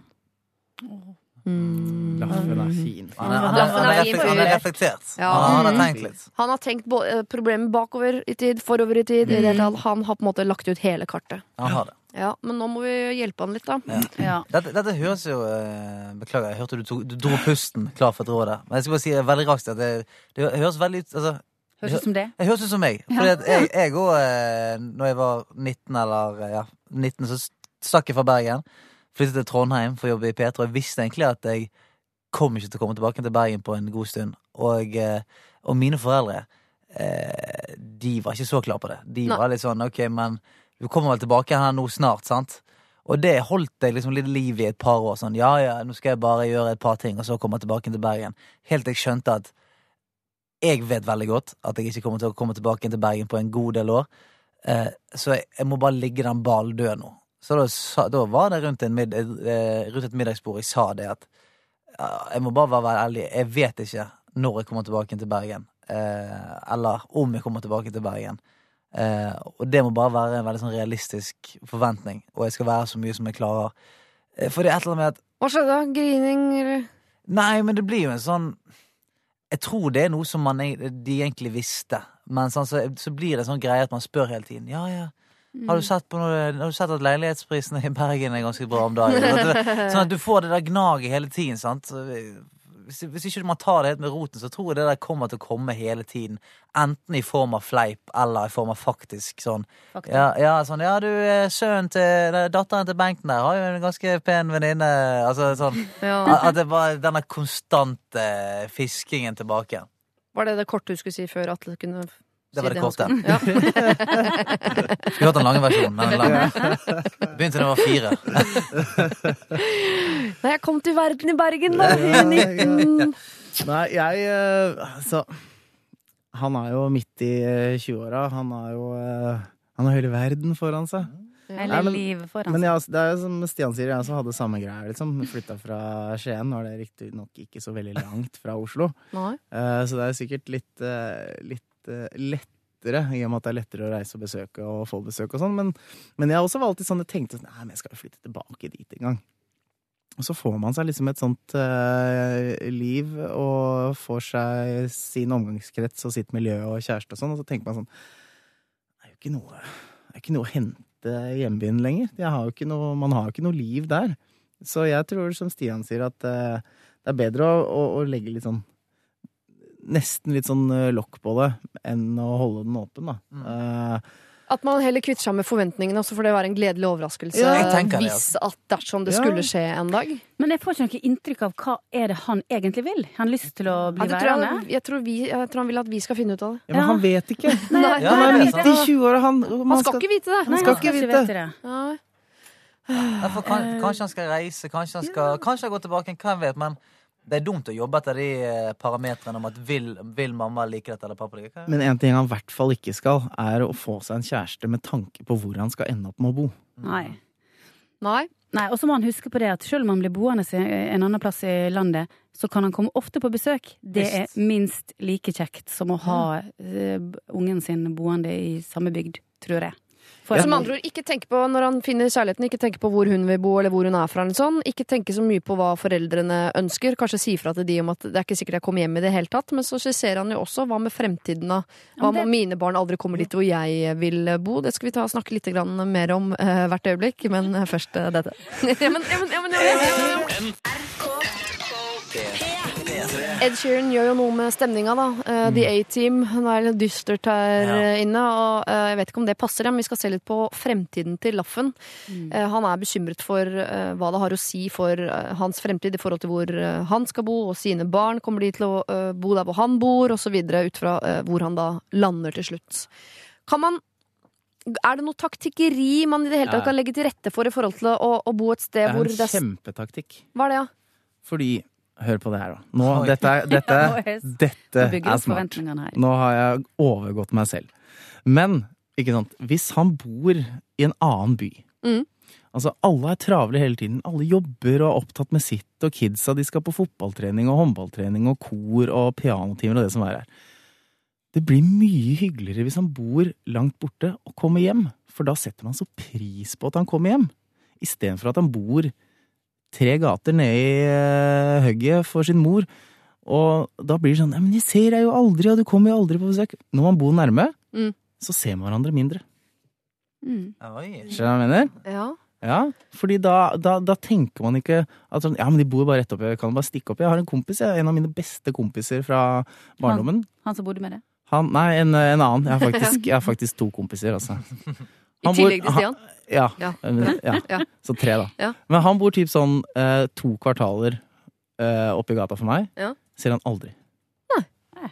Fordi man er liksom opptatt, og man holder på og bla, bla. Ja. Mens de kompisene jeg har, som barndomskompisene mine som bor i Skien, Mm. ser jeg faktisk oftere. Så det blir en sånn, eh, det blir en sånn fin greie egentlig å bo, bo fra hverandre, for da planlegger man og setter mye mer pris på når man kommer hjem. Så hvis man bor borte fra familien, så tror jeg faktisk at det i fremtiden kan gjøre at eh, familieforholdet blir enda bedre. Men skal han si det til familien sin, da? eh, At eh, 'mamma, jeg velger å ikke flytte hjem fordi jeg tror forholdet vårt kommer til å være bedre på sikt'? Fordi da eh, Jeg er ikke sikker at hun forstår akkurat det der, da. men eh, ja. Men jeg syns at han først og fremst skal tenke hva har jeg lyst til å gjøre i resten av mitt liv. Han må tenke verden som sin boltreplass, ikke Vestlandet som et endelig mål. Det kan godt hende at det blir det. Og han trenger i hvert fall ikke bekymre seg for uh, om ungene hans en gang i, om 30 år skal komme hjem en, og bo med han. Det må han ta når det, den tid kommer. Men jeg føler også at hun mora hun forstår nå at han er 25 år og har lyst til å finne ut av dette sjøl. Ja. Ja, men det tror, det, Men han lar seg jo veldig prege av henne, for han har jo allerede på en måte dumpet en dame fordi hun var negativ til Ja, hans hjemsted. Det var ikke han keen. Ja, jeg, jeg, jeg, jeg, jeg tror at alle mødre og alle fedre er sånn, Selvfølgelig, de har jo ikke lyst til at uh, Altså, egoismen sier at jeg har ikke lyst til at barnet sitt skal flytte vekk eller noe som helst, men selvfølgelig, hvis, hvis man sier det Du, jeg, jeg har valgt å gjøre dette nå, så Ja. tror jeg de aller, aller, aller, aller, aller fleste for- foreldre sier. Bra for OK, deg. greit. Mm. Selvfølgelig, kunne jeg valgt, så skulle du bodd her hele tiden, for jeg har lyst til å se deg hele tiden, men det, den ser jeg. Men Synnøve, siden du allerede har stått fram med å være den med mest livserfaring her, Ja. eh, var det ikke noe som for, lokket ikke Vestlandet litt mer enn ellers idet du fikk barn? Altså Bare det at det, Eh, at det er barnevakt som bor på. Vestlandet? Ja, men jeg er mer keen på å få foreldrene mine hit. Oh, ja. Eller sende hun opp dit. Men jeg, jeg kjenner meg veldig igjen i dette spørsmålet her. For at jeg er nå også fra Vestlandet og har flytta til Oslo for 25 år siden. Og jeg har aldri sett meg tilbake igjen, og jeg har aldri fått følelsen av at foreldrene mine ønsker meg hjem. Tvert imot. Jeg syns det er topp at jeg bor her. Stay, stay! Jeg, husker en periode når jeg, var, når, jeg, når jeg var veldig mye på TV, så husker jeg eh, når jeg kom hjem, så sa min far 'Er du her òg?' sa han. Så, Men du, Stian, foreldrene dine de må nå være veldig fornøyd. Nå returnerer nå du til heimbyen med et talkshow. ja, ja, ja. ja. Så, så det jo, men det som var litt dumt med det, var at For jeg, annonserte at jeg skal lage, lage talkshow fra Bergen neste år, og da Men da skal du pendle fra Oslo? Jeg skal pendle, men de, de trodde De var, de var 100 sikre på at nå flyttet de hjem, så det var litt Ja. sånn eh, Min far ringte sånn 'Ja, jeg så nyheten!' 'Ja ja, da er, du, da er han hjemme igjen.' Og så var det sånn du, det, det, det er bare hjemme fra tirsdag til torsdag, altså. Å ja. Men har du søsken? Ja, ja, fem stykker. Å ja, ja, men herlighet. Da her er det nok å ta av der. Jeg har Ja, ja, råd til å miste en til storbyen. Ja, visst, Absolutt. visst, visst. Laffen, jeg syns eh, du jeg skal tenke mindre på alle disse problemene som måtte eh, kanskje dukke opp en eller annen dag. Eh, Ta, eh, og Finne ut av hvor du skal bo nå. Hvor har du lyst til å bo nå? Og så gjør du det, og så får du ta de problemene som måtte komme på sikt. Kanskje du møter en dame fra Vestlandet, da er det jo ikke et problem. Kanskje du finner at du ikke vil ha barn, da er det jo ikke et problem. Eller kanskje du får barn som er helt ufyselige, som du vil at skal bo på Vestlandet mens du bor på Østlandet. Altså alle disse tingene. Du kan, det er ikke noen måte å legge opp dette brettet på, sånn at ikke, ikke at det skal bli vanskelig på noe som helst tidspunkt. Du må bare ta det steg for steg. Men akkurat nå så må du bo akkurat der hvor du vil bo, og så må du bli sammen med akkurat den jenta du vil bli sammen med, uansett hvor hun er fra, eller hvor hun vil flytte.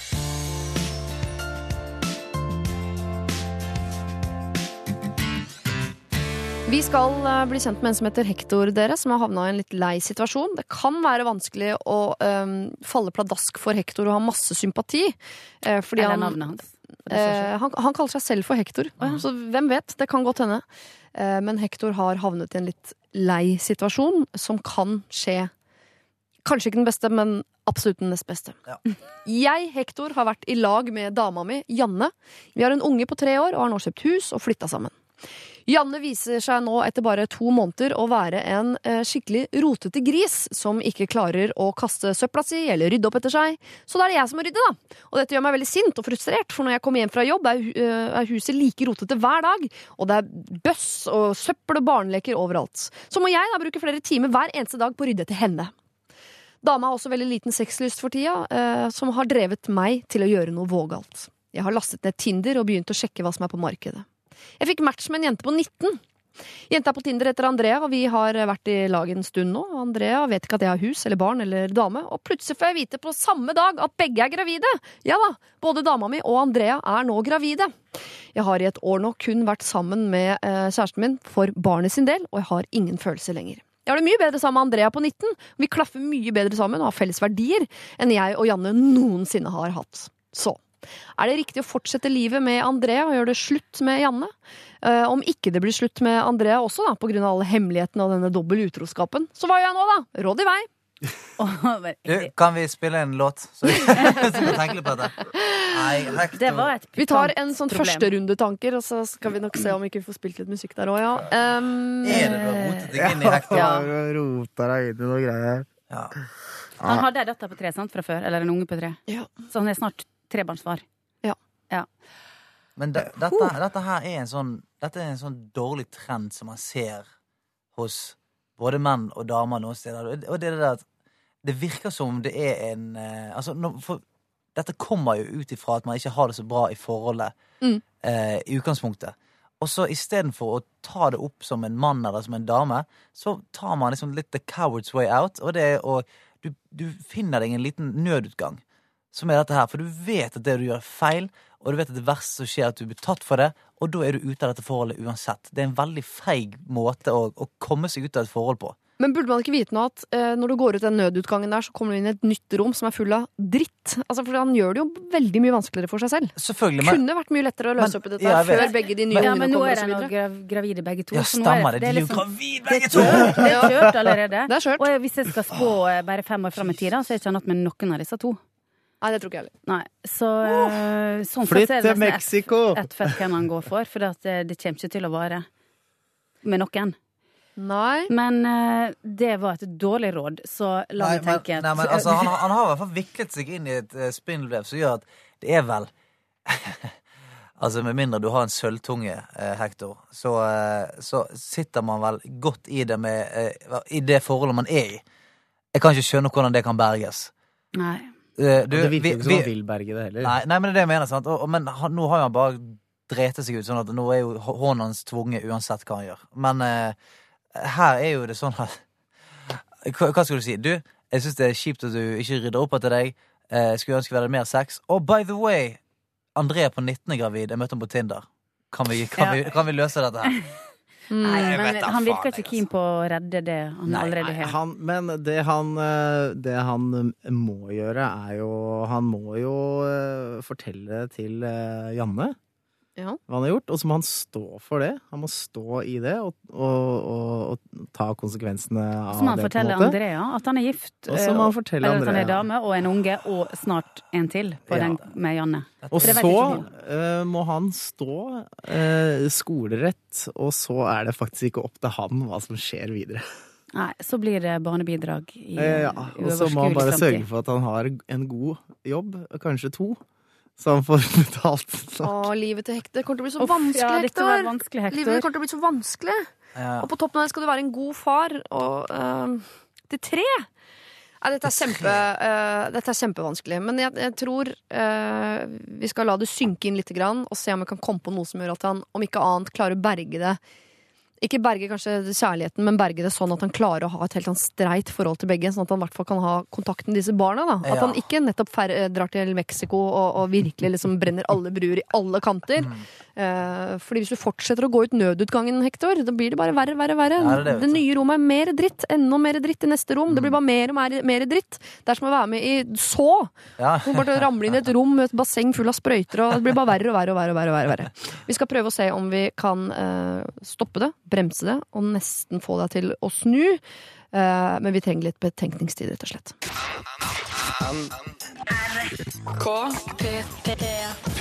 P3. Jeg tenker at eh, ja da, det kan godt hende at han klarer å redde forholdet på mirakuløst vis med en av disse damene. Men hvordan, eh, kanskje viktigere, hvordan skal han klare å hvert fall redde det nok til at han kan ha et forhold til disse barna? For det er ikke vits å fucke opp livet deres også. Nei. Nei. Altså, jeg nevnte, nevnte mens musikken spilte at det er et godt eksempel på hvordan problemer øker i potens. At for hver gang man tar den enkle veien ut, så øker det eh, rett og slett i potens. Og for, og for hver gang man gjør det, så blir det vanskeligere og vanskeligere og vanskeligere. Mm. Når man egentlig i første omgang hadde hatt en, en real sjanse til å fikse det. Det er det samme med forhold og regninger og alt som man bare ikke er mann nok til å ta tak i. Mm. Sånn som her, Han har sagt i begynnelsen du, vet du hva, dette irriterer meg, dette irriterer meg, og enten sagt jeg er ikke keen på dette lenger, eller vi må fikse det, så kunne det latt seg ordne. Men så klarer han å vikle seg inn i det der eh, dritet. Og hvis han tar nødutgangen en gang til på dette, så er det i hvert fall umulig. Da er det, som noen nevnte her, da er det Mexico som gjelder. Da må du bare flytte og rømme, og, og da er det drit. Så liksom, det, han må snart faktisk få noen baller Mm. og begynne å preike til noen. Ja, det er, men altså det viktigste her er jo, som, som vi har så vidt vært inne på, er jo at det er faktisk da snart tre barn inne i bildet her. Ja. Og man har jo et visst ansvar når man setter barn til verden, om at de skal få det fint. Eh, så ja, han, altså først, han må, må si det til Janne. Mhm. Og så må han bare stå i den eh, stormen Shitstorm. -hmm. som kommer der, og stå for det han har gjort. Eh, og så må han si det samme til, An til Andrea. Mm. Og stå for det der. Og så må han bare gjøre alt han kan for å stille opp for de barna sine. Jeg lurer på, hvis jeg var han, om jeg ville koble på en familieterapeut med en gang. Ja. Kanskje Sakk, eller noen som For jeg vet at stakkars Janne, da, som har en, en unge fra før, og som er gravid, og som tror at hun er lever i et OK forhold, som får vite at ikke nok med at eh, typen din er utro, men hun, hun er også gravid. Og jeg vet ikke om jeg hadde, om det, jeg hadde tatt sjansen på at hun klarer å takle det, sånn, den nyheten av seg sjøl. Skjønner du? Jeg bare ville hatt en ekspert Eller jeg vet ikke, det kommer litt an på typene. Men jeg tenker at hvis det var i min situasjon, så ville jeg ha syntes det var deilig å ha hatt noen som kunne Vært en ekstra demning for Ja, eh, som kunne støtta litt opp og komme med noen konkrete og litt gode råd. Men, eh, og det, kanskje det samme når han skal fortelle det til hun eh, elskerinna. Herligheten. Uff, dette her er Det er vanskelig. sørpe. Ja, det er virkelig vanskelig. Jeg tenker bare, eh, i hvert fall at Nå har du jo på en måte herpa det litt, både for Andrea og Janne. Og da må Mm. du passe på å ikke herpe det for disse tre barna, som i hvert fall ikke har gjort uh, noen ting for å fortjene å havne i en vanskelig situasjon. Uh, så det er som de sier, han må si det til begge jentene. Han må stå i den drittstormen som kommer. Han må takle å bli hata, men må likevel fortsette å jobbe, være ydmyk, stå på. Selv om han sikkert får masse dritt tilbake. Mm. Eh, og så på et eller annet tidspunkt, om noen år kanskje, så begynner det å roe seg. Og da får han finne ut av hva han skal gjøre med livet sitt. Men de to eksene Mm. er der, og disse tre barna er der. Og det må han bare det stå i. Sannsynligheten for at de, ingen av de vil ha noe med han å gjøre, er ganske stor, så han må bare eh, fokusere på å være en god far. Det er rett og slett det du må gjøre framover nå, Hector. Du må eh, tenke på disse tre barna som du snart er far til, eh, og hvordan det forholdet til Janne og Andrea ender opp med å bli. eh, hvis det blir liksom bra. Kanskje en av de til og med har lyst til å være kjæresten din på et eller annet tidspunkt. Mm. Det er bonus, og det er, altså, det er en voldsom bonus som jeg ikke tror du skal forvente i det hele tatt. Nå må du bare belage deg på måneder, kanskje år, med mye dritt i fleisen. Det er bota eh, for å ta nødutgangen. Det er det. Du har spilt, eh, du har spilt vekk den enkle løsningen, så nå må du manne deg opp. Men kanskje et lite tips til på tampen her. Prevensjon? Neste gang, ja. Ja. Ja. Ja. Og neste, til der. ja, neste. Tinder eh, Ja. ja. P3 Dette er Lørdagsrådet på P3. P3 JC sammen med sin kone og kjæreste Beyoncé. Eh, Låta heter Bonnie and Clyde. Det er så hyggelig, liksom. Vi kan gi ut musikk sammen. Ja, ja, men- Kommer du til å gjøre det med dama di, Atle Pettersen? Gi ut en duett? Du, det hadde vært veldig moro, for hun eh, kan ikke synge. Ja. så kanskje jeg skal gjøre det. Nok autotune, så Mhm. Ja, ja, ja. Det blir under alias Quincy P. Eh, Britney Spears klarte det jo, så eh, det er bra. ga hun ut eh, duett med han gærningen? Nei, nei, men tenk at eh, Tenk hun er jo ikke så flink å synge, hun her. hun er det? Nei, hun Det er vel noe, det er vel noe liveopptak av at hun synger som en kråke. Mm, ja, ja. ja, det vil ikke jeg høre om, for i, i mitt hode så er hun hun et perfekt menneske. Ja, men det, det kan hun fremdeles være. Ja, det kan jo for alltid til å være i mitt hode. Dere, eh, vi skal hjelpe en som eh, heter Eline, som er en fattig student. Eh, det er det vel en stund siden noen av oss var. Eh, Synnøve Skarbø, eh, Mm, det syns jeg, ja. en stund siden. Stian, har du noensinne studert noe som helst? Eh, nei, Nei. det har jeg ikke. Er det med jeg har studert noen føflekker som jeg mente hadde vært litt store på kroppen, men det er liksom det eneste. Åssen er det med deg, Atle? Nei, jeg hadde meg eh, sånn et halvår på universitetet før jeg sa nei takk. Vi skal allikevel så godt vi kan prøve å sette oss inn i eh, problemet til eh, Eline. Jeg, sammen med to andre, skal arrangere utdrikningslag for en god venninne. Vi, bruden og alle gjestene på utdrikningslaget, er unge studenter, og jeg lurer på hvor mye det er greit å ta betalt av gjestene for hele dagen med aktiviteter, mat og drikke. Det blir fort dyrt når man skal gjøre ting sammen hele dagen, spise mat ute og drikke. I tillegg skal jo selvfølgelig alle utgiftene til bruden denne dagen dekkes av oss. Vi tenkte å dra på escape room, spise lunsj hjemme, lage drinker, spise middag ute, dra på karaoke osv. Ting er dyrere enn man tror, altså. Aktivitetene for dagen er etter brudens ønske og hva de to andre syns vi burde gjøre. Altså er det sterke ønsker om at vi får til alle tingene som er planlagt. Jeg syns at 1000 kroner er mye penger, men de andre mener at gjestene burde strekke seg til nærmere 1500. Som sagt tidligere er alle studenter, og dette er mye penger for oss. Jeg syns også det er vanskelig å ta det opp med gjestene, for hvordan skal man spørre dem om hva de syns er greit? Penger er alltid vanskelig å snakke om, så Hvordan skal vi få til et bra utdrikningslag som fyller alle brudens krav og ønsker? Det står ikke krav, det la jeg til, det beklager. Det står bare ønsker her. Uten at noen blir utelatt pga. pengene. Og hvordan skal jeg gå fram? Hilsen fattig student. Den er, den er jo veldig, veldig vanskelig. Ja. Eh, For, for den er, har, jeg, har jeg vært borti, og er borti ganske ofte, sånn med Hvis man skal arrangere eh, turer med venner, for eksempel, så vet man at noen, er, noen har en god jobb og alt er på stedet. Noen er studenter, og noen er arbeidsledige. Og sånn. Så jækla vanskelig å finne denne felles grunnen. Ja. Eh, Men her er nå alle studenter. mm. Alle Jeg tenkte studenter, umiddelbart når du sa det, så tenkte jeg takst 1000. Det er hodet ja, tusen er liksom, den, den kan du svelle. Det er sånn, hvis du går på en smell på byen en kveld, så ryker det tusen spenn, liksom. Ja, gjør det det? Jeg gjør ikke det, da. studenter? Ja, altså, jeg, eh, Ja. jeg, har vært, det det. jeg har vært fattig og jeg røker mer enn det på, på en kveld. Jo, for jeg tenker at Man skal stille seg selv et spørsmål, for jeg kjenner igjen sånn uh, venninne-bitching. Sitte sånn 'Å, herregud, det blir så dyrt, og det har vi ikke råd til'. Ikke råd til det, la, la, la. Men så veit du at sånn dagen før så var du en svipptur innom Henseverdet Yes. og blæsta 650 kroner på en silketopp Ja, ja, ja, og maskara, liksom. Og så kjøpte du deg en liten pizza på veien hjem til Absolutt. 300 spenn, og så Så er ikke det at du ikke har de pengene, det er bare idet det skal gå til noe annet enn rett inn i Dabadi, ja, så, idet så får blir det litt vanskelig Ja, du får hele summen uh, lagt ut. Ja, ja. Ja. Her må du heller eh, legge opp programmet altså de må, Hvor mange det var som skulle være med? Sto det det? Ja, jeg så ikke. Nei. for Hvis det er tus, taksten er 1000 kroner hver, og de er ti stykker, da, Mm. så må de legge opp programmet ut ifra den summen. Hvis ikke det går med karaoke, da, ja, så får de stryke det, så får de ha singalong hjemme, eller de må finne alternativ som kan gå innenfor budsjettet, da. ja, for Ja. det, det er dumt hvis folk bruker så mye penger at de føler at uh, Altså, det blir en ukoselighet, og ikke minst at eh, at det, det bringer en bismak til hele opplevelsen. At ah, faen, det var var det ikke akkurat 1700 kroner verdt, dette her. Sånn, sånn at det, det blir, blir fort sånn her gnaging. Eh, Å få en faktura i etterkant, det er helt uaktuelt. Ja, det, det, det er ikke lov. vips rett i nebbet. Ja. Og så er det ikke hyggelig for bruden heller, som har kost seg, og, sånn, og så viser det seg at uh, hele gjengen driver murrer ute Nei, i kulissene der, liksom. Ja. Folk sulter uh, på utsiden av bryllupslokalet.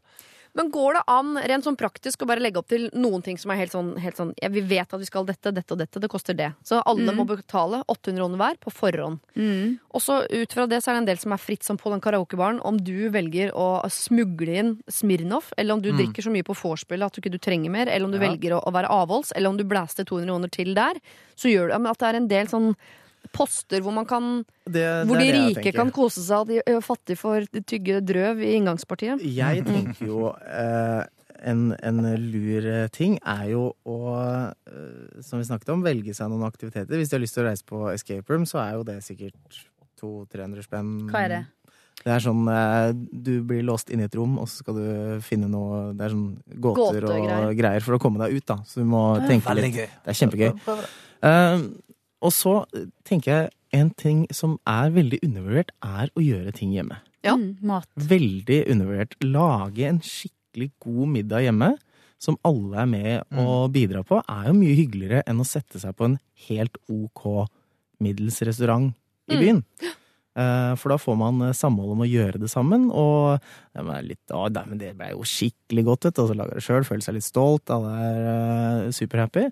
Og så kanskje være litt kreativ med hvordan man eh, har det vorspielet. Kanskje man lager en quiz om bruden, eller har litt sånn aktiviteter hjemme på vorspielet. Og kanskje vatter opp med å liksom lage noen drinker og liksom ja, være litt Altså, Jeg synes Når si sånn. Alle tar med en matrett og et eller annet alkoholmessig, så kan man jo Og et underholdningsinnslag. Ja, for eksempel. Ja, ja, sånn, ja. ok, Da må jeg lage eh, noe som er billig, og jeg må dra til Sverige og kjøpe spriten. Altså, eller ringe mutter'n og spørre om hun har en ekstra rødvinsflaske i kjelleren. Eller, altså, man har muligheten til at alle har muligheten til å gjøre det så billig som mulig. At den der fellespotten Det eh, trenger å være så stor. Den trenger ikke å være så stor. Men 1000 kroner, det tenker jeg at Det er spiselig. Og, Det er ingen studenter i Norge som ikke har 1000 kroner. Med mindre du er på utdrikningslag fire ganger i måneden. altså, ja, det mener Altså. Utdrikningslag til en av dine beste venner Ja. klarer du å skvise 1000 kroner ut av. ja, det gjør du. Og hvis du skal være leder av dette, så må du bare drive med sånn god gammel sånn eh, Sånn kostnadssammenligning, eh, som alltid er veldig fin. Sånn, hei, 1000 kroner, det er samme prisen som eh, denne buksen, hvis du Ja. skulle kjøpt den. Eh, og er ikke din beste venninnes eh, utdrikningslag viktigere buksen?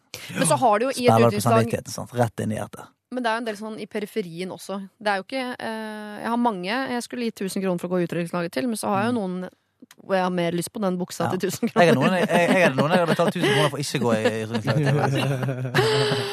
Ah, ta, eh, kjære fattige student Eline, eh, gjør fellesen ganske lav. Eh, gjør en del ting hjemme. Mat og drikke hjemme. Eh, og så gjør dere de tingene dere må. Og de som føler at de ikke har råd til dette her, ja, da setter jeg spørsmålstegn ved hele vennskapet. For å være helt ærlig. Ikke det vært mer enn 1000 kroner? Dette er er P3. Nå skal vi dele ut en kopp, eh, dere. Jeg skal gå gjennom dagens kandidater. Eh, vi har sittet her noen timer, så vi kan fort glemme, glemme Børjan der. Vi startet eh, på morgenen i dag med Janne som bare ville at alt skulle bli som før. Altså Hun har vært borte i åtte måneder og kommet hjem, og bestevenninnen har fått seg ny venninne, og ting er ikke sånn som før. Eh, nei, og det kommer det heller ikke til å bli, men prøv å gjøre det beste ut av det. Så hadde vi Per, som eh, bor med en venninne som er for følsom. Altså Hun eh, anklager han hele tiden for at han ikke er like blid hjemme som han er ute, osv.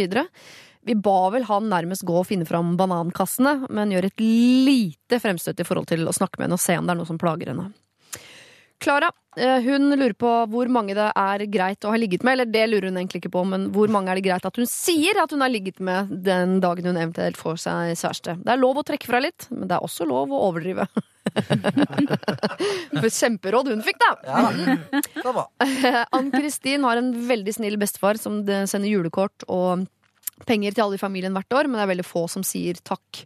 Skal hun ta en uh, ringerunde og kjefte på de? Ja, du trenger ikke å ringe, men du må sende en SMS.